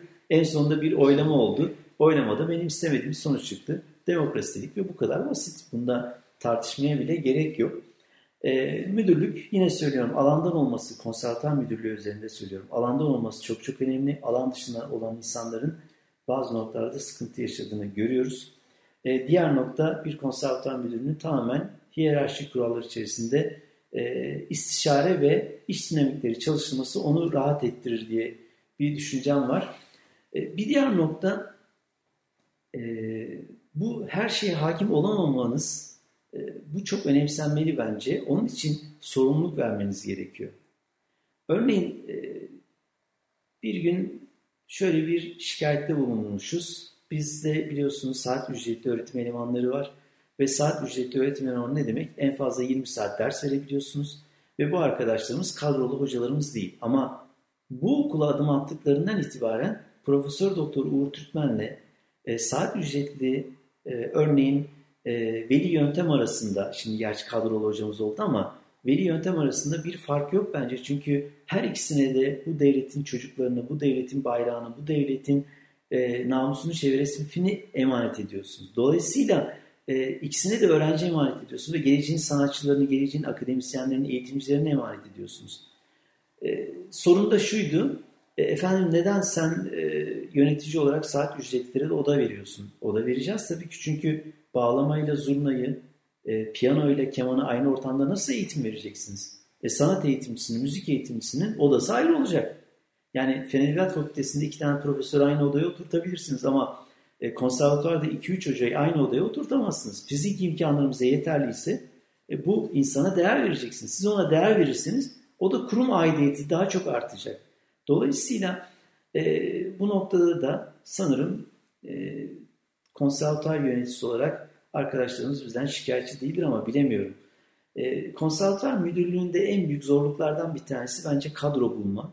Hele kendi kurumunuz içerisinde doktorasını bitirmiş bir arkadaşınız varsa, doçent bir arkadaşınız yani doçentliğin üniversitesi kuruldan almış bir arkadaşınız varsa, profesörlüğe gelen bir arkadaşınız varsa bu sizde psikolojik bir baskı yaratıyor. Çünkü neden? Her gün gözünüzün içine bakıyor. Yani her gün gözünüzün içine bakan bir arkadaş da belli bir zaman sonra siz de ister istemez e, yıpranıyorsunuz, üzülüyorsunuz. Her geçen gün onun için maddi manevi bir kayıp. Ne yapıyorsunuz? Rektörlüğün kapısını aşındırıyorsunuz. E, sıradan bir öğretim üyesi olsanız böyle dertleriniz yok. Sıcacık evine gidersiniz, oturursunuz, çayınız kahvenizi içersiniz ama e, gece gündüz bunlar hep aklınızda. Çok şükür bizim konservatuarımızda şu anda kadro bekleyen kimse yok. Yani kadro bekleyenden kastım işte doktor öğretim üyesi, doçent, profesörlük noktasında. E, çok şükür güzel de gelişmeler oluyor. E, ama tercihi bana bırakılsaydı e, ben 3 yılda bir yine söylüyorum konservatuar müdürlüğünün değişmesi taraftarıyım. Neden? E, sistem kurulduktan sonra, e, hiyerarşik düzen, bürokrasi doğru işledikten sonra, istişare kültürü yerleştikten sonra, adalet ve vicdan penceresinden baktıktan sonra bu müdürün Uğur olması, Bertan olması, Ahmet olması, Mehmet olması bir şey değiştirmez ki. Lider sadece yön verir, e, belli zaman, belli yerlerde müdahalelerde bulunur. Bu kadar. Zaten birimler altta her şeyi hallettikten sonra müdürün görevi bir şey değil ki. Yani müdür e, bürokratik işlemleri halleder, hızlandırır. Onun başka alanlarda olması gerekiyor. Dolayısıyla e, biraz da bu soruya verebileceğim cevaplar bunlar. E, hocam sizin, sizlerin e, Afyonkarahisar Üniversitesi Devlet Konservatuarı olarak e, olağanüstü işlere ve başarılara imza attığınızı biliyoruz. E, bu aslında yaygın geniş bir çevre tarafından da biliniyor. E, hatta büyük konservatuarlarımız da e, biliyorlar. Sizden ricam değerli dinleyicilerime hem bunlardan hem de önümüzdeki süreç için hedeflerinizden e, söz eder misiniz? Yani hedefleriniz nedir? Bu kısmı da çok önemli tabii. E, bu konuda e, sizi dinleyelim. Afyonkarahisar Üniversitesi Devlet Konservatuarı doğru söylemek gerekirse benim ve ailem için, eşim için de büyük bir şans oldu. Ee, bir kere konservatuarın temeli güzel atılmış. Yani iyi hocalar alınmış. Güzel bir temel üzerine kurulduğu için de e, burada her şey yeşeriyor. Ne yaparsanız yapın yeşeriyor. Bu zaten böyle değil midir? Eğer verimli bir toprağınız varsa e, bu toprağa ne ekerseniz ekin ondan mutlaka bir şeyler çıkar. Dolayısıyla ben bu noktada e, benden önceki müdürlere ve konservatuarın kuruluş aşamasında emeği olan e, kişilere ve yine konservatuarın kuruluşundan itibaren bugüne kadarki tüm rektörlere çok ama çok teşekkür ediyorum. Yani bu gerçekliği dile getirmek lazım. Yani 2006 e, yılında Afyon'a geldiğimde gördüğüm e, en dikkatimi çeken hususlardan bir tanesi nitelikli bir eğitimci kadrosunun olması, sanatçı kadrosunun olması. Özellikle e, geleneksel müziğin hakikaten iyi bilen arkadaşlarım olması, Batı müziğinde de gördüğüm alanında yetkin eğitimciler ve sanatçılar bu beni oldukça mutlu etmişti. Elbette başta zorlandım çünkü ben bir eğitimciyim, sanatçı değilim. Yani eğitimci ile sanatçı arasında bakış açısı farkı var mı hocam? Evet var tabii ki. Yani her şeyin önemlisi felsefe farklılığımız var. Yani birçok noktalarda anlaşamadığımız veya farklı baktığımız olaylar olmadı mı? Elbette oldu. Ama e, doğru bildiklerinizi çekinmeden hayata geçirdiğiniz zaman ve bunlarda herhangi bir art niyet olmadığını gördüğünüz zaman insanlar da anlıyor ve sizi e, zaman içerisinde tanıdıkça e, bazı şeyleri de yerli yerine oturuyor. Devlet konservatuarındaki e, bu tarihe baktığınızda hakikaten temelinin sağlam olması beni de cesaretlendirdi doğrusu söylemek gerekirse. 2010 yılında müdür olduktan sonra çok daha güzel işler yapılabileceğini hayal etmiştim ve bunlar gerçek oldu. Yine söylüyorum temelde iyi bir eğitimci kadrosu kurulmuş, iyi insanlar var, iyi icracılar var ve e, bir eğitimci olarak da 2006 yılında katıldıktan sonra, eşim de katıldıktan sonra ve buraya da bir yönetici olduktan sonra ne yapabiliriz noktasında hep şu geldi aklıma. Hani birinci soruyla da bağlantılı olarak konuşalım. E, üniversitelerden beklenen ne? Nitelikli eğitim öğretim. İkincisi neydi? Bilimsel araştırmalar. Üçüncüsü topluma hizmet. Peki konservatörün felsefesi ne olmalı? Evet bence de günümüz konservatörü bu olmalı. Bir şey daha ekledik ona. Tabi Uğur Türkmen'in değil yani e, biz de bunları hocalarımızdan alıyoruz, öğreniyoruz, tartışıyoruz, konuşuyoruz. Bu felsefeyi kabul etmeyenler de olabiliyor. Örneğin e, Amatör Çalgıcılar Festivali'ni başlattığımızda bunu beğenmeyen arkadaşlarımız oldu. Biz sanatçıyız, amatör müzik eğitimiyle uğraşmamalıyız. Veya müzik eğitimcileri çalıştayını başlattığımızda müzik eğitimcilerin e, toplamak eğitim fakültesinin görevi değil mi e, eleştirisini getirenler de oldu. Haklı olarak yani kendi felsefelerince haklılar çünkü. Ama e, burada bir eğitim fakültesi müzik öğretmenliği bölümü yok. O zaman bu işi konservatuar yapacak dedim ben. Örneğin amatör müzik eğitimi.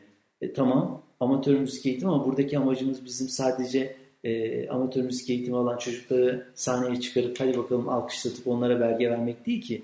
Amatör müzik eğitiminde 4-5 tane uzman onları dinledi ve onların her biri çocuğa dönütler yaptı. Öğretmenleri de dönütler yaptı. Bakın tekniğiniz şöyle olabilir. Bakın repertuarınız böyle olabilir. Bakın geçen yıl böyleydiniz ama bu yıl böyle olmuşsunuz.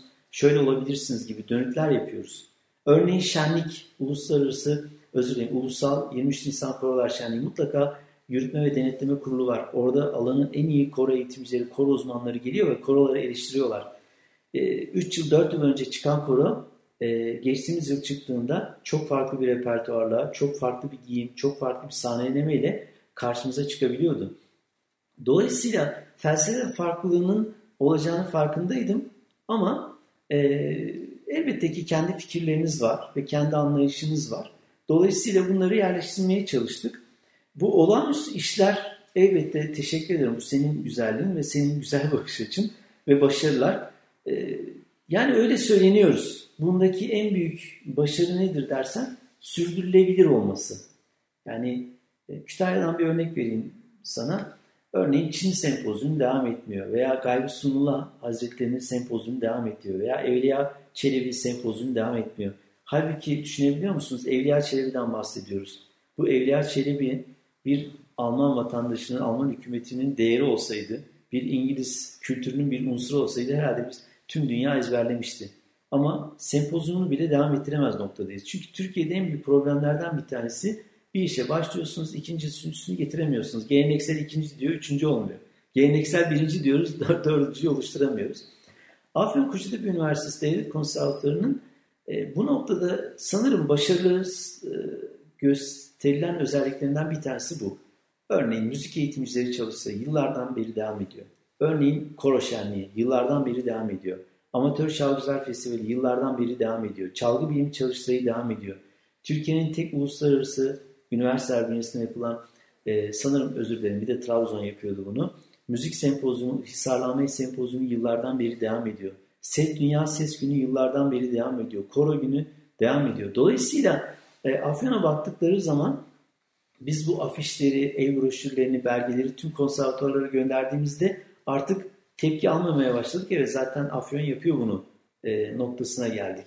Bir diğer nokta e, sanatçı kalitesinin yüksek olması yönetici olarak sizi yepyeni projelere de sevk ediyor. Örneğin CD projeleri. Hemen bir tanesi aklıma geliverdi. Bakın Tamburu Cemil Bey. Tamburu Cemil Bey'in 2016'da e, 100. yılıydı bildiğim kadarıyla. Evet. E, ve bütün külliyatının CD kaydını yaptık, belgeselini yaptık, kitabını yaptık. Sağ olsun Çağan Adar ve Burak Kaynarca ve çalışma arkadaşları. E, bu olağanüstü başarılı bir proje oldu. E, Kültür Bakanımız konsere geldi, tanıtım organizasyonuna geldi. E, dolayısıyla bakın ne oldu yine? Sizin e, çalışma arkadaşlarınız, yol arkadaşlarınız çok nitelikli olduğunda siz de bir yönetici olarak arzu ettiğiniz her projeyi gerçekleştirme imkanına sahip oluyorsunuz. E bir de yerel yönetimler, belediye gibi, valilik gibi, kalkınma ajansları gibi size destek verirse tadından yenmiyor. Bütçe var, çok iyi bir icracı ekip var. Yönetici olarak sizin yapmanız gereken tek şey bu iki unsuru bir araya getirmek. Başka bir şey kalmıyor ki geriye. Yani bu noktada e, bu muazzam başarıların e, bence esas e, takdir edilmesi gereken kişileri konservatuvardaki çalışma arkadaşlarım. Çünkü onlar olmasa ne bu CD'ler yapılır, ne bu kitaplar yapılır, ne bu belgeseller yapılır. Örneğin e, Güzel Sanatlar Fakültesi ile çok iyi ilişkilerimiz var. Mithat Fenmen, Mustafa Hisarlı, Hisarlı Ahmet, Süleyman Uysal, Yoksul Derviş ve aklıma gelen birçok e, önemli müzik Ali Uçan, Cihat Aşkın bunların bakın belgesellerini yaptık. Hadi en başa dönelim mi? E, bakın sadece Ankara, İstanbul, İzmir'de konservatuar olsaydı bunları yapamayacaktı, yetişemeyecekti her şeye. E, süper bir güçleri yok ki e, orada çalışan arkadaşlarımızın da. Yerelde de bir şeyler yapılabiliyormuş demek ki. Bakın yoksul dervişten bahsediyoruz. Kim bu yoksul derviş? Emirdağ Karacalar'dan çok önemli bir halk aşığımız. E, Afyonkarahisar Valiliği iki ciddi kitabını yaptı. Biz eserlerinin CD kaydını yaptık. Sevgili Kubat Daya okudu. Ondan sonra e, efendim şimdi kitabına başlıyoruz. Emirdağ Karacalar'dan yine e, özür dilerim Emirdağ'dan Fakı Eder, e, Afyon'dan Rüştü Okyar, Raif Somer, Dinar ilçesinden Süleyman Usta'nın şiirleri bestelendi, CD kayıtları yapıldı. Dolayısıyla e, ama bunları, bu projeleri gerçekleştirmeye için yola çıktığınızda e, geriye baktığınızda veya yanınıza, sağınıza, solunuza, önünüze, arkanıza baktığınızda e, müthiş bir güç var. İşte Afyonkuştepe Üniversitesi Devlet Konservatuarı'nın bence en önemli özelliklerinden bir tanesi bu. Her ne yapmak isterseniz yapabilirsiniz. Akademik orkestra kurabilirsiniz, çocuk koroları kurabilirsiniz, CD yapabilirsiniz, kitap yapabilirsiniz, dergi yönetebilirsiniz, ulusal uluslararası sempozyumlar her şeyi yapabilirsiniz. Çünkü öyle yelpazesi geniş bir konservatuar eğitimci kadrosu var ki her şey yapılabilir burada. Geriye ne kalıyor? Bütçe. Hocam bütçeyi nasıl buluyorsunuz? O kadar kolay bulunuyor ki. Yeter ki siz çalışmalarınızı e, insanlara anlatırken direkt para istemeyin. Çünkü direkt para istediğiniz zaman e, insanlar çekiniyor. Düşünsenize zenginsiniz, iş adamısınız, patronalsınız. E, herkes sizden para istemeye geliyor. Veya belediye başkanısınız, herkes sizden para istemeye geliyor. Vali hep para istemeye gidiyor. Şahsen ben hiçbir projemde para istemeye gitmedim. Örneğin Tambur Cemil bir projesi e, dönemin belediye başkanı Burhanettin Çoban Bey'e gittiğinde Sayın Bakanım böyle bir proje var kafamızda. Proje ortağımız olur musunuz? Paylaşımız olur musunuz? Ve biz Sayın Bakanımızı konserde bekliyoruz. Efendim Sayın bunun ülke ve dünya kültürü için çok önemli olduğunu düşünüyoruz. E, neresinde olabilirsiniz? Ne yapalım? Ne önerirsiniz? Mantığıyla gittiğimiz zaman zaten projenin tüm bütçesini size akıtıyorlar. Yani. Bir de bunu da e, dikkat almak gerekiyor. Bakın bütçe bence çok çok önemli bir mesele. E, konservatuarlar bulundukları ilin belediyeleriyle çok ama çok iyi, sadece konservatuarlar demeyeyim, e, müzik öğretmenliği bölümleri de, güzel sanatlar fakülteleri de, bulundukları belediyelerle çok ama çok iyi ilişkiler kurmalılar. Neden? Zaten belediyelerinin yanlış hatırlamıyorsam Bertan Hocam %8 gelirini e, kültüre, sanata, spora harcama gereklileri var. Birçok belediye spora destek oluyor. Milyonlarca lira. E bırakın kültüre de destek olsun. Sanata da destek olsun. Müziğe de destek olsun. Peki ama onlara giderken onlara giderken çok ama çok ciddi projelerle gitmek gerekiyor. Çünkü onların da belediye kültür müdürlerinin, belediye başkanlarının, başkan yardımcılarının da en ama en büyük ihtiyacı olan unsurlardan bir tanesi proje üreten insan istiyorlar. E, üniversitelerinde görevi buydu. Hani hatırlar mısınız? İkinci ve üçüncü maddeler. Proje üretmek, bilimsel araştırmalar yapmak, topluma hizmet etmek. Örneğin Emirdağ Karacalar'dan yoksul amcamızın CD'sini yapalım diye gittiğimizde yine belediye başkanımız hiç itiraz etmedi. Çünkü biliyor ki yoksul amca hakikaten çok çok önemli. E şimdi belediye bunu yapamayacağına göre belediye de bir paydaş arıyor. E bu işi kim yapar? Konservatuar. Kim kaydeder eserlerini? Konservatuar. Kim notaya alır? Konservatuar. Kim kitabını yapar? Konservatuar. E ne kadar güzel her şey var işte bakın burada. Dinar Belediyesi Süleyman Uysal günümüzün Karacaoğlan'ı çok güzel şiirleri var. E Dinar Belediyesi'nin en büyük paydaşı kim yine? Konservatuar çalışanları. Besteleyecek insan var. O eserleri seslendirecek insan var. Söz ve saz olarak. E geriye ne kalıyor? Bütçe. E belediyenin bütçesi var. Şunu söyleyebilirim rahatlıkla.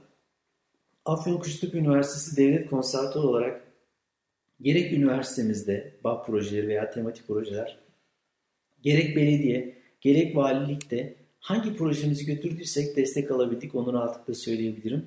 Ve hala da destekleniyoruz. Yani ben e, bu konuda Afyon'da da şanslı olduğumuzu düşünüyorum. E, Afyon Kuştepe Üniversitesi'nin teşekkür ederim bu e, soruda muazzam olağanüstü işlerden falan bahsediyorsun. Başarılarının altında yatan nedenlerden bir tanesi ne dedik? Kesinlikle nitelikli eğitimci kadrosu ve e, üniversite yönetimi destekliyor konservatörü. Bence en önemli unsurlardan bir tanesi patronajlarla da çok iyi ilişkiler kurması ve yerel yönetimlerle de çok iyi ilişkiler kurması. Nedir patronaj? İş insanlarıyla. E, örneğin Türkiye'nin en büyük, ileride bahsedeceğiz sanırım, e, müzik müzelerinden hatta belki de en büyüğü öyle diyeyim. Türkiye'nin en büyük müzik müzesi Afyonkuştepe Üniversitesi'nde kuruldu. Peki bunu kim kurdu? İşte iş insanı İbrahim Halimoğlu.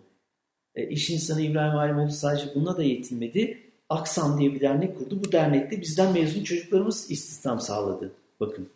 Afyonkuştepe Üniversitesi'nin yapmış olduğu CD ve kitap projelerine, ansiklopedi projelerine kim destek oldu? Afyonkuştepe Afyon Karahisar Belediyesi oldu, Dinar Belediyesi oldu, e, Kütahya Ticaret ve Sanayi Odası oldu, Afyonkarahisar Ticaret ve Sanayi Odası oldu. Ama her defasında her defasında e, konservatuar yönetimi olarak biz sık sık ziyaret ettik kendilerini. Proje olmadığı anda da ziyaret ettik. Nasılsınız, iyi misiniz, var mı bize düşen bir şey? E, bakın her zaman proje ortağı biziz. Lütfen başka bir yeri aramayın. Tabii ki bunlar da önemli. E, çünkü sırça köşkümüzde oturduğunuz zaman kimse e, bunlar ne yapıyor demezler. Tekrar özetlemem gerekirse sevgili Bertan, e, nitelikli bir eğitimci kadrosu, kendisini destekleyen bir üniversite yönetimi, yani konservatörü destekleyen bir üniversite yönetimi, e, yine müziğe duyarlı e, yerel iş insanları, bunlar dünya çapında tanınan iş insanları bu arada onu da söyleyeyim çünkü çok büyük sektörler var Afyon'da. Yine yerel yönetimler, Afyonkarahisar Belediyesi, Dinar Belediyesi, yine Kalkınma Ajansı, Zafer Kalkınma Ajansı gibi ve Afyon ve Kütahya Ticaret Odaları gibi Kütahya'yı ara sıra söylüyorum çünkü Hisarlanma Sempozyumu biz Kütahya'da yapıyoruz biliyorsunuz. Hisarlanma Kütahyalı. Dolayısıyla iller arasında da iletişimimiz var. E, bunların başarılarını getiriyor. Elbette ki yönetici olarak bizim yapmamız gereken işlerden bir tanesi bu. E, bu organizasyonda, bu sistemi zamanında e, harekete geçirmek için de elbette ki çalışmalarımız Ağustos ayında başlıyor ve yıllık planlarımızın hepsini çok rahatlıkla duyurabiliyoruz. Peki özetlersek Afyonkuşlu Üniversitesi Konservatuarı'nın olağanüstü teşekkür ederim sağ ol yani bu teveccüh uyumlusun. Ee, bizim Türkiye'nin en büyük e, müzesine sahip olmamız bizim için büyük gurur. Nitelikli eğitimci kadrosuna sahip olmamız bizim için büyük gurur. Türkiye'nin en iyi fiziki imkanlarından birine sahip olmamız büyük bir gurur. Efendim hiçbir araç gereç ihtiyacımızın olmaması büyük bir gurur. E, yerel yönetimlerle ilişkimizin olması, işlerimizin sürdürülebilir olması bizim için büyük bir mutluluk. Temennim odur ki bunlar bizlerden sonra da yani emekli olduktan sonra da öyle diyelim inşallah e, devam etmesi ve sürdürülebilir olması. Çünkü e, bu topraklara ne yaparsanız yapın bitmiyor, bitmiyor, bitmiyor. O kadar büyük, devasa bir kültürel değerlerimiz var ki anlatmakla bitmez. Hocam şu anda neler yapılabilir derseniz hala CD kayıtlarını yapmak istediğimiz besteciler var. Hala eserlerini notaya alıp ansiklopedilerini, kitaplarını yapmak istediğimiz halk aşıklarımız, ozanlarımız var. Hala eserlerinin bestelenmesini bekleyen şairlerimiz var. Hala efendim senin kitaplarının CD'lerinin yapılmasını isteyen e, sadece Afyon merkezde değil Türkiye genelinde insanlar bize başvurup böyle bir çalışma yapar mısınız diyorlar. Hemen müsaade edersen bir örnekle bu sohbeti bitireyim. Kütahya'da Nilüfer Özkan isimli çok ama çok önemli bir kadın bestecimiz var. Kütahya'da mesleki müzik eğitim veren kurum olmadığı için bize başvurdu. Ve biz bir arkadaşımızla görüştük. Şimdi onun kitap ve CD'sini yapıyoruz. Geldik mi yine en baştaki sorumuza? Bakın İstanbul'a başvurmuyor, Ankara'ya başvurmuyor. Ne yapıyor? E, bu arada İstanbul, Ankara, İzmir'deki çalışan arkadaşlarım bana e, sistem etmesinler. E, söylemek istediğim yine şu. Hakikaten çok büyük iş başarıyorlar. Devasa illerde güzel işler başarıyorlar ama yerelde de, taşrada da, Anadolu'da da çok ihtiyaç var çalışmaya. Bakın ne oldu? Kütahya'daki bir hanımefendi, bir besteci çok ama çok güzel ilahileri, çok güzel klasik Türk müziği eserleri var. Ve biz bunları e, çok değerli bir çalışma arkadaşımız şimdi onları notaya alıyor ve CD kaydını yapacak ve kaybolmaktan kurtulacak. Yani bundan büyük bir nimet olabilir mi? Dolayısıyla e, konservatuar belki de şunu önerelim istersen bu noktada. E, Valla biz bekliyoruz Afyon'a dinleyicilerimizin hepsini. Bir aksilik olmazsa buyurun gelin kaymaklı ekmek kadayıfı yersiniz. E, güzel tandırlar var. E, biliyorsunuz Afyonkarahisar çok çok önemli bir gastronomi şehri seçildi. Yani çok güzel termal otellerimiz var. E, efendim söyleyeyim harikulade yemekler yiyeceksiniz. Dünyanın en büyük müzik müzelerinden birini gezeceksiniz. Geldiğinizde de bir 15-20 dakika müzik ziyafeti de veriyoruz biz. E, daha ne yapalım bilmiyorum artık. Yani onun için e, şöyle radyo programlarında ödül falan veriliyor ya gelene kaymakta ekmek kadayıf falan öyle bir şey yok ha. Yani her gelene veriyoruz biz. Onun için böyle 10 e, ilk 10 kişiye telefon açan 10 kişiye kaymakta ekmek kadayıfı falan değil.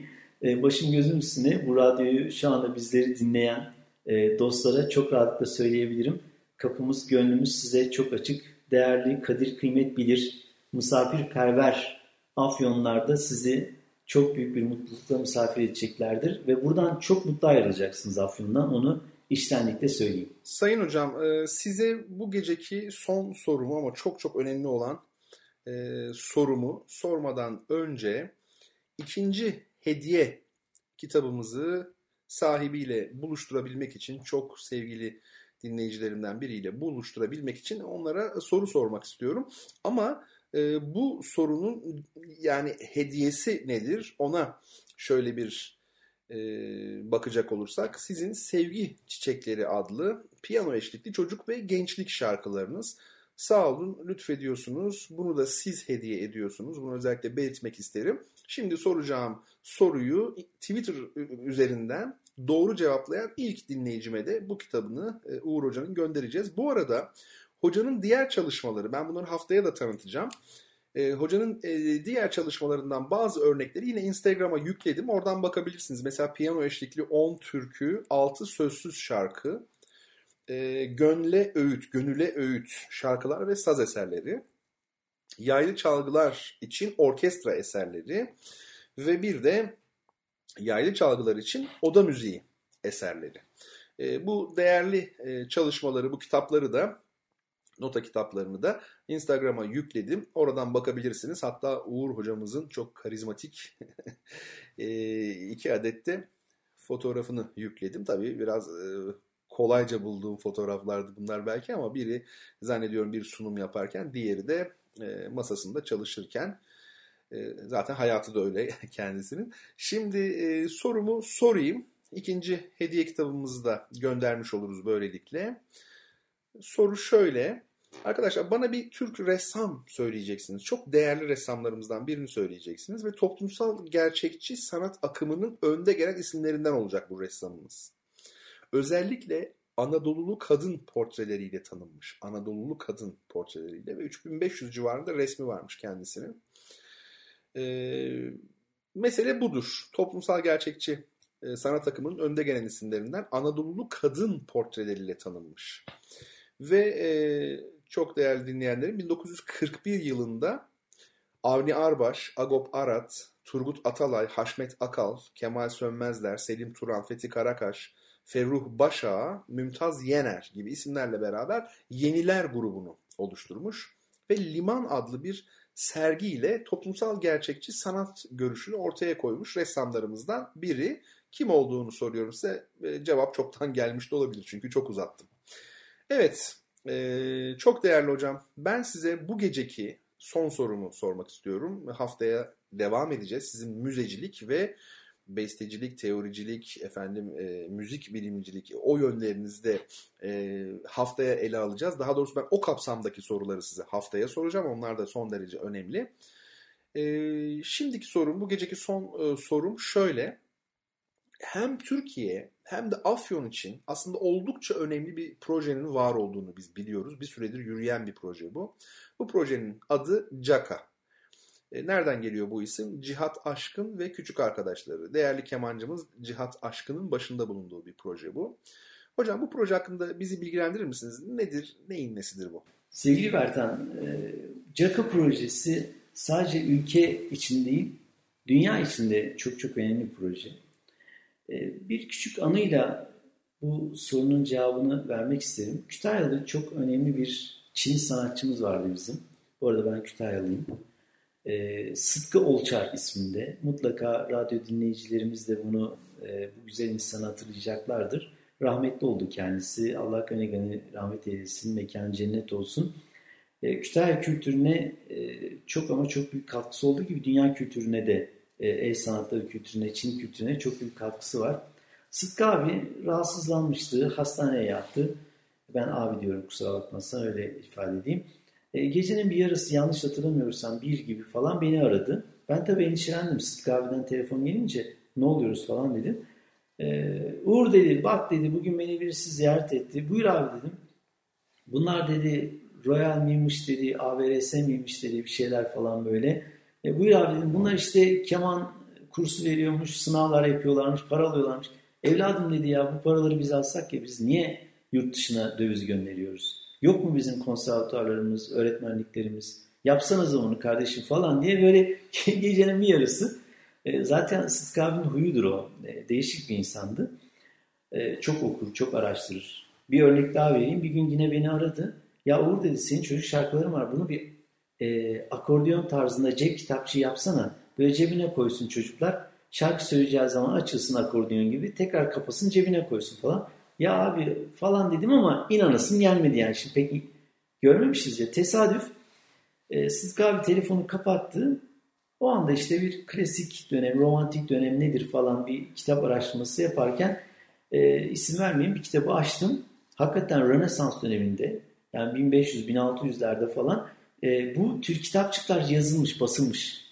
Yani cep kitapçıkları, müzik kitapçıkları, nota kitapçıkları. Ya bunu nereden biliyor Sıtkı abi falan der, derken e, anladım ki farklı kafa çalışıyor yani Sıtkı. İşte CEKA projesi de benim o zamanlarda, biz CEKA projesinde değildik ama takip ediyordum ben Cihat Hoca'yı. O zamanlarda düşünmüştüm. Ya bak bu proje ne kadar güzel. Ee, inşallah biz de ileride bu projenin bir paydaşı oluruz mantığıyla. Sonra e, Cihat Aşkın'ı e, Uluslararası Marsyas Festivali'nde e, hem danışman olması hem de her yıl düzenli konser vermesi için İstanbul'a kadar gittik ve ziyaret ettik. O zaman konservatuar müdürüydü İTÜ'nün. E, çok güzel karşıladı, güzel bir kahvaltı yaptık. Sonra makamına geçtik, güzel bir sohbet ettik. Elbette yardımcı olacağım dedi. Anadolu'da çok güzel işler yaptığınızı duyduk. E, benim de elimden ne geliyorsa size destek olacağım. Sağ olsun Marsyas Festivali'nin danışmanıydı, e, sanat danışmanıydı. Çok güzel işler başardık kendisiyle. Sonra bir gün e, bir sohbetimiz sırasında hocam biz CAKA projesini Afyon'da başlatmak istiyoruz dedik. CAKA nedir? Cihat Aşkın ve Küçük Arkadaşları yaklaşık 20 yıllık bir proje ve ilk temeli Bursa'da atıldı bunun. Amacı da şu, e, hangi yaştan olursanız olun müziğe başlayabilirsiniz, kemana başlayabilirsiniz. Felsefe bu. Yani yeter ki isteyin, yeter ki gayret gösterin. E, bu da bizim felsefemize uydu doğru söylemek gerekirse. Yine birkaç soru öncesinde hatırlarsan şunu söylemiştim. Çok yönlü ve çok boyutlu bizim sanatçılara ihtiyacımız var. Sadece çalıp söyleyen değil. Yani sadece çalıp söyleyip sırça köşkünüzde kaldığınızda veya sanatçı boyutuyla kaldığınız zaman toplumla hemhal olamıyorsunuz ama akademisyenseniz, üniversitede hocaysanız bunu yapmak zorundasınız. İsim vermekte sakınca yok. Örneğin e, hadi yine de dikkatli olalım bu konuda. Kimseyi kırmamaya çalışalım. Dünya çapında bir sanatçısınız. Sadece ve sadece konserlerle hemhal oluyorsunuz. Buna bir şey, böyle bir sorumluluğunuz olmayabilir ki dünyada böyle bir sanatçı tipi kalmadı zaten. Örneğin İshak Berman, Yahudi Menuhin, E, bunlar topluma hizmet uygulamaları yaparlar, varoşlara giderler, e, çalgı eğitim verirler, sosyal sorumluluk projelerine katılırlar. Dolayısıyla e, hele akademisyenseniz çok boyutlu olmanız gerekiyor. Bence Türkiye'deki akademisyen sanatçıların, icracıların örnek alınması gereken e, isimlerden bir tanesi Cihat Aşkın. Bakın çocuk müzik eğitimiyle uğraştığı, e, profesyonel icralar yaptığı, eğitimcileri devam ediyor, e, araştırma faaliyetleri devam ediyor. E, farklı boyutta müzik türleriyle icra pratikleri var. Dolayısıyla Cihat Aşkın'ın bu konuda da e, hem örnek alınması gerektiği hem de takdir ettiğimi söylemem gerekiyor. Sonra tabii ki e, Cihat Aşkın'ın gönlü çok açıktır herkese. Bize de gönlünü açtı, kapısını açtı. Biz bu CAKA projesini Afyon'da başlattık. Cihat Aşkın ve Küçük Arkadaşları projesi ilk başladığında 5-6 e, öğrenci başvurdu ama çalışma arkadaşlarıma şunu söyledim. Göreceksiniz ikinci yıl patlama olacak ve biz kapıları kapatmak zorunda kalacağız. Nitekim 3 eğitimciyle başladığımız projede ikinci yıl 130-140'a yakın başvuru oldu. CAKA projesine girmek için. Neden? Bir kere çok güzel bir projeydi. E, Cihat Hoca 3 ayda bir çocuklarımızı ziyaret ediyordu. E, çok nitelikli bir keman eğitim veriyorduk. 3 e, ayda bir çocuklar konsere çıkmak zorundaydı. Efendim söyleyeyim 12. ayın sonunda büyük bir konser yapmak zorundaydı. E, yine 3 ayda bir CAKA'nın diğer e, şubelerinden hocalar rotasyon yaparak birbirlerini dinliyorlardı falan falan falan falan. E, ve inanın ikinci yılda patlama olunca biz şunu dedik bu proje sadece 30 kişiyle sınırlı kalmalı. Ve bunu üniversitemiz derneğiyle bir protokol yaparak derneğimiz ve döner sanma üzerinden yapalım düşüncesi gelişti. Şu anda da bir e, öngörüm daha olmuştu. Projeye giren çıkmayacak demiştim ben çalışma arkadaşlarıma. Diğer iki keman eğitimcisi arkadaşıma. Hakikaten projeye giren çıkmadı hiç. Çünkü aileler şunu çok iyi biliyor Bertan Hocam. Yani siz nitelikli bir eğitim verirsiniz üniversiteyle e, birlikte yürütürseniz ve hakikaten belli hedefler, belli idealler ortaya korsanız, aileler buna inanırsa çocuk, bırak aileyi çocuk da çıkmak istemiyor zaten.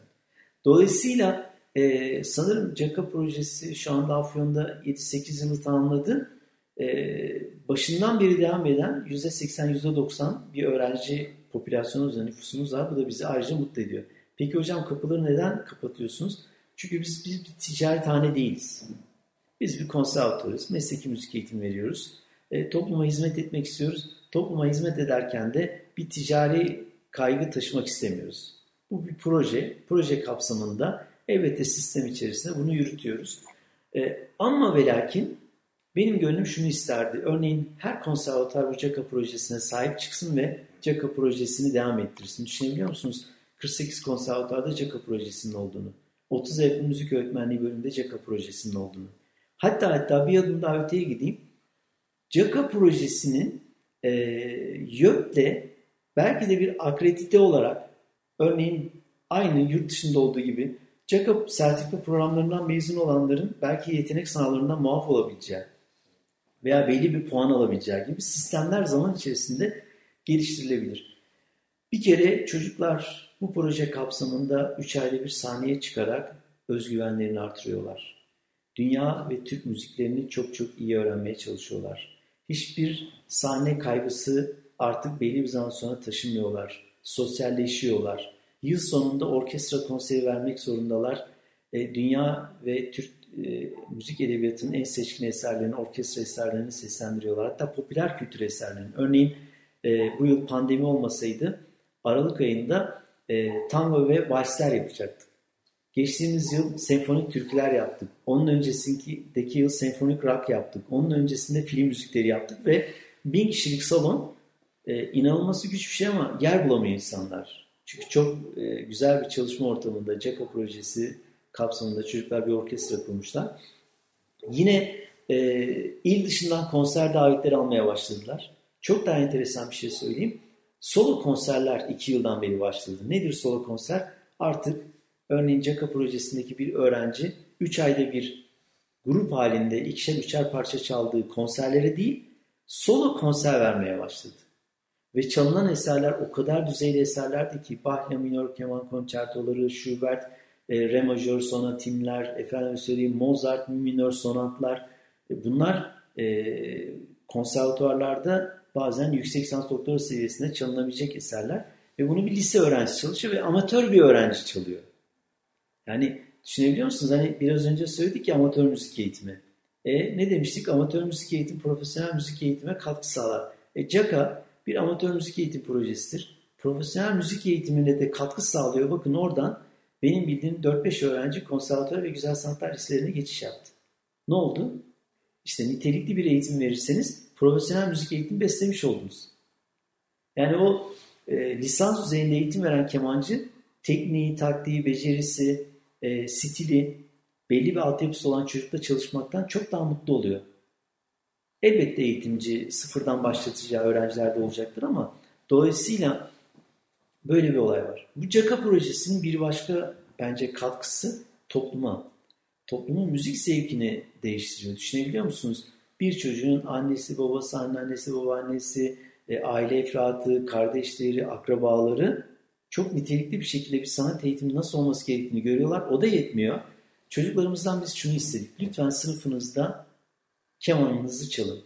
Ve bu çocuklar 10 Kasım'da, 29 Ekim'de, 24 Kasım'da, efendim söyleyeyim 18 Mart'ta, e, doğum günlerinde, özel günlerde, dini bayramlarda, dini günlerde efendim söyleyeyim e, sınıfı bir araya tutacak e, o diğer e, buluşmalarda kemanlarını çaldılar. Ve biliyor musunuz e, size bir sayı vereceğim. Amatör müzik eğitimine 13-14 yıl 11 çocuk başvurmuştu. Son yıl 457 çocuk başvurdu. Neden? İşte bu çocukları gören diğer çocuklar da keman eğitimine, piyano eğitimine, gitar eğitimine, flüt eğitimine başvurdular. Ve baş, başladılar. Yani e, tetikliyorlar böyle bir birbirlerini ne yapıyorlar? İtekliyorlar. Çocuk bakıyor ki Eda çok güzel keman çalıyor ben de çalayım diyor. Ve bir şey daha var. E, dinleyici kalitemiz arttı bizim. Hiç aklımıza hayalimize gelmemişti. Bazen piyano konseri, klasik müzik konseri yapıyoruz. Örnek verelim veya keman konseri yapıyoruz. Seyirci sıkıntımız olabiliyordu ama şu anda e, yer bulmakta zorlanıyoruz. Neden? 30 CAK öğrencisinin, 30-32 sanırım, CAK öğrencisinin annesi, babası, akrabaları, kardeşleri, onların aile efratları zaten 200 kişilik bir potansiyel seyirci kitlemiz oluyor bizim. Yani e, ve bu seyirci müziği bilen seyirci. Çünkü çocukları çok nitelikli e, keman edebiyatının nitelikli eserlerini dinledikleri ve yine e, halk müziği ve sanat müziği eserlerinin niteliklerini dinledikleri için iyi müzikle kötü müziği, iyi konserle kötü konseri ayırt edebiliyorlar. Dolayısıyla e, bakın CAKA projesi bize nitelikli dinleyici kitlesi de oluşturdu. Ve hiçbir konserimiz boş geçmiyor. Her konserimiz dolu geçiyor. Ve geçtiğimiz yılki konser sayısı 120 idi düşünün. Bunun 35-40'ı sadece Batı müziği ağırlıklı olsa bütün konserler dolu. Dolayısıyla e, bunu da önemsemek gerekiyor. Bir diğer nokta e, Afyon'dasınız. 3 ayda bir sahneye çıkıyorsunuz. Konservatuar hocaları, 3 ayda bir Türkiye'nin dört bir yanındaki rotasyon eğitimcileri sizin yanınıza geliyor, dinliyor. Ve Cihat Aşkın başta 3 aylıydı. Sonra tabii yoğunluktan dolayı bu sıklaştıramamıştık. Efendim söyleyeyim sizi dinlemeye geliyor. Sizin hemal olduğunuz ve kemanınızı dinlettiğiniz sanatçı Cihat Aşkın. E, yani lütfen siz de bir babasınız. Çocuğunuzun böyle bir ortamda olduğunu düşünün. Afyon'dasınız, İstanbul, İzmir'de değilsiniz.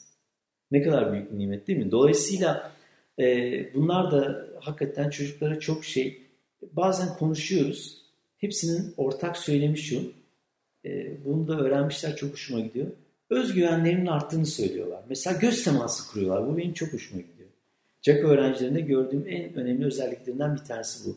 Hiç kimse havaya bakarak, yere bakarak, sağa sola bakarak konuşmuyor.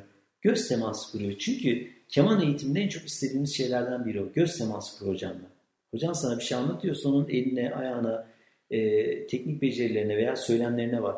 En çok hoşuma giden özelliklerinden biri o. İkincisi kendilerini çok güzel ifade ediyorlar. Mesela müzik hakkında konuşabilirsiniz onlarla. Sanat hakkında konuşabilirsiniz. Hayat hakkında konuşabilirsiniz. Gelecek ve idealler hakkında konuşabilirsiniz. Keman çalmak sadece hani futbol sadece futbol değildir diye bir klişe bir söz var ya. E, çalmak sadece çalmak değil yani siz bunun e, farklı boyutlarını çocuk zaten onları anlıyor zaman içerisinde. Oturmanız, kalkmanız, yemeniz, içmeniz, onunla diyaloğunuz, şakalaşmanız, nitelikli konser faaliyetleri, eğitim faaliyetleri Dolayısıyla çocuk o sosyal çevrenin içerisinde biliyorsunuz eğitim bir formal bir de informal boyutu var. Formal boyut ne? İşte okullardır, odur budur, programlı planlı. Informal boyut ne? İşte orada biraz usta çırak ilişkisi giriyor. Orada gelenek giriyor, görene, görenek giriyor. Orada efendim söyleyeyim e, sosyal çevre giriyor, sosyal psikoloji giriyor. İşte CAK öğrencileri Türkiye genelinde bu projenin içerisinde yer alan öğrenciler zaman içerisinde informal olarak değişim ve dönüşüme uğruyorlar. Ama çok güzel bir değişim ve dönüşüme uğruyorlar. Ben bu noktada da e, ülkeye böyle bir proje kazandırdığı için çok ama çok teşekkür ediyorum. Biz şöyle bir sorumluluk e, kendimizde gördük ve Cihat Aşkı'nın bir belgeselini yaptık. Türkiye'ye kemanı sevdiren adam diye. Sanırım e, sosyal medyalarda veya diğer e, internet ortamında bulabilirler. Yaklaşık 12-13 yer gezdik Türkiye'de Cihat Hoca ile birlikte. 4500-5000 kilometre yaptık beraber. E, Mersin'den Bolu'ya, Konya'dan Afyon'a, işte efendim İstanbul'dan Ankara'ya, e, İzmir'e kadar e, Cihat Aşkın'la yol yaparak buradaki şubeleri ziyaret ederek çocuklarla buluşturduk Cihat Aşkın'ı. Ve o esnada Cihat Aşkın'ın yol hakkında, e, efendim söyleyeyim sanat hakkında, müzik hakkında düşüncelerini öğrenmeye çalıştık. Şimdi hayal edebiliyor musunuz? Arabadasınız, Toroslar'da, dağ yollarında işte Mersin'e yol almışsınız ve Cihat Hoca bir anda e, işte gönlündeki yolla ilgili bir felsefi düşüncesini anlatıyor. E, bu da bizim için çok önemliydi. Belgeselini DVD olarak da yayınladık. E, Caka projesini şu aşamada hocam bir sistem üzerinde düşünüyor. Gerek online, gerek e, belli bir eğitim, öğretim planlı programlı bir şekilde. Sanırım 2021'de çok ciddi gelişmeler olacak. E, biz de takip ediyoruz. E, şu anda e, ülke genelinde ki yapılanma daha böyle bir sistematik hale gelecek. Onu da bekliyoruz dört gözle. E, benim hayalim nedir dersen yine söyledim. E, ülkemizin çok çok önemli bir değeri Cihat Aşkın. Çok güzel bir insan. Ve bu güzel insanın çıkartmış olduğu projeye keşke YÖK ve bakanlık sahip çıksa ve e, akredite olabilse, uyumlu olabilse üniversitelerle, eksikleri gedikleri varsa e, bir bilimsel çalışmalarla desteklenebilse diye düşünüyorum. Ve ümit ederim bu proje bitmez. E, bizim belki dünya kültür ve müzik endüstrisine pazarlama lafını pek sevmiyorum kusura bir akademisyen olarak ticari kafayla söylemiyorum bunu ama e, tanıtabileceğimiz bu noktadan kültürümüze katkı sağlayabilecek çok önemli bir değer olarak görüyorum. Ümit ederim e, proje aksamadan devam eder ve burada yüzlerce binlerce öğrenci sanat eğitimi alır. Yaş ve cinsiyet farkı gözetmeksizin.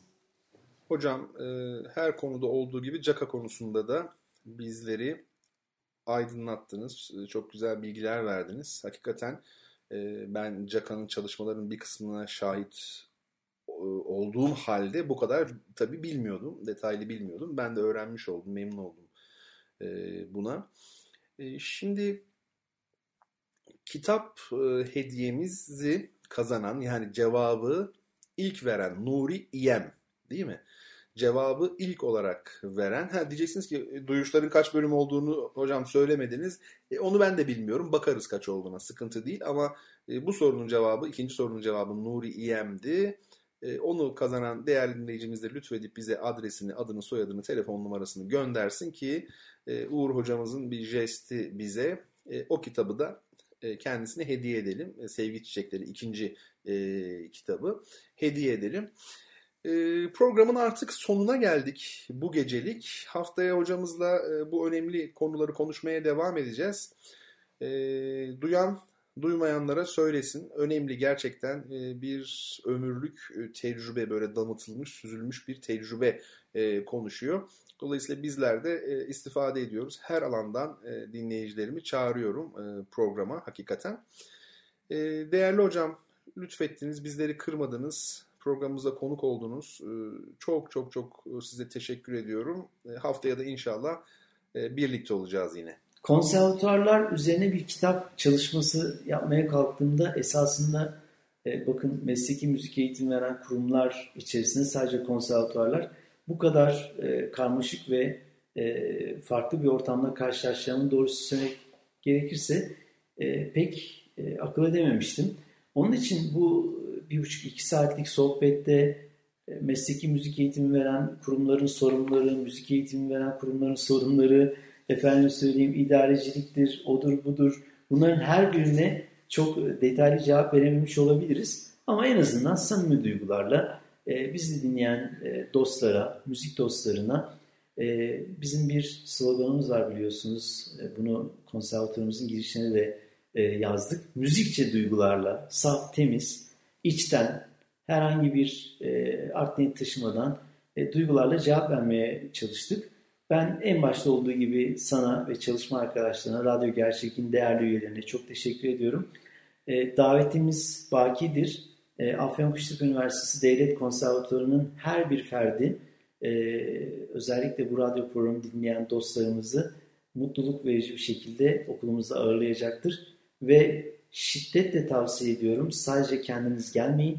Ailecek gelin, eşinizle dostunuzla gelin. Mutlaka ve mutlaka konservatuvara uğrayın. Evet, e, zannediyorum artık bütün dinleyicilerimin değil mi? E, bana bir şükran borcu var yani. Ne yapsanız hakkımı ödeyemezsiniz. Neden? Çünkü bir radyo programı olarak bakın hizmette sınır yok hakikaten. E, sizi bulunduğu şehirde ağırlamak isteyen hem de e, ailenizle birlikte ağırlamak isteyen konuk alıyorum programa. Siz böyle bir şey gördünüz mü bugüne kadar? Televizyonda falan var ya hani konuklar falan. Hiç şahit oldunuz mu? Bakın hocamız e, sağ olsun. Öyle değil mi? Bizi davet ediyor. Tabii ben işin e, şakasındayım yani şu an. E, latife ediyorum. E, hakikaten mütehassis e, oluyoruz. Ben Afyon'da değilken e, yaşamıyorken yani 3-4 aydır buradayım. Afyon'da e, yaşamıyorken de e, hakikaten onun o misafirperverliğini biliyorum. Her zaman bizleri ağırlamıştır en güzel şekilde. Kongreye, sempozyuma gittiğimizde otellerde kalmamıza izin vermemiştir. Kendisi hemen yer ayarlamıştır bize. Yani her anlamda hakikaten çok misafirperver. Yine bölge halkı da öyle. Ben değerli hocama tekrar teşekkür ediyorum. Özellikle şey açısından bu yani dinleyicilerim adına teşekkür ediyorum. Efendim duyuşların sonuna geldik bu haftalıkta. Haftaya 14 Ekim çarşamba yine Uğur Türkmen Hoca ile söyleşimize devam edeceğiz. Aklımızda kalan soruları soracağız. Bambaşka kitap hediyelerimiz olacak. Güzel bir sohbette sizlerle birlikte olacağız. Haftaya görüşene dek esen kalın efendim.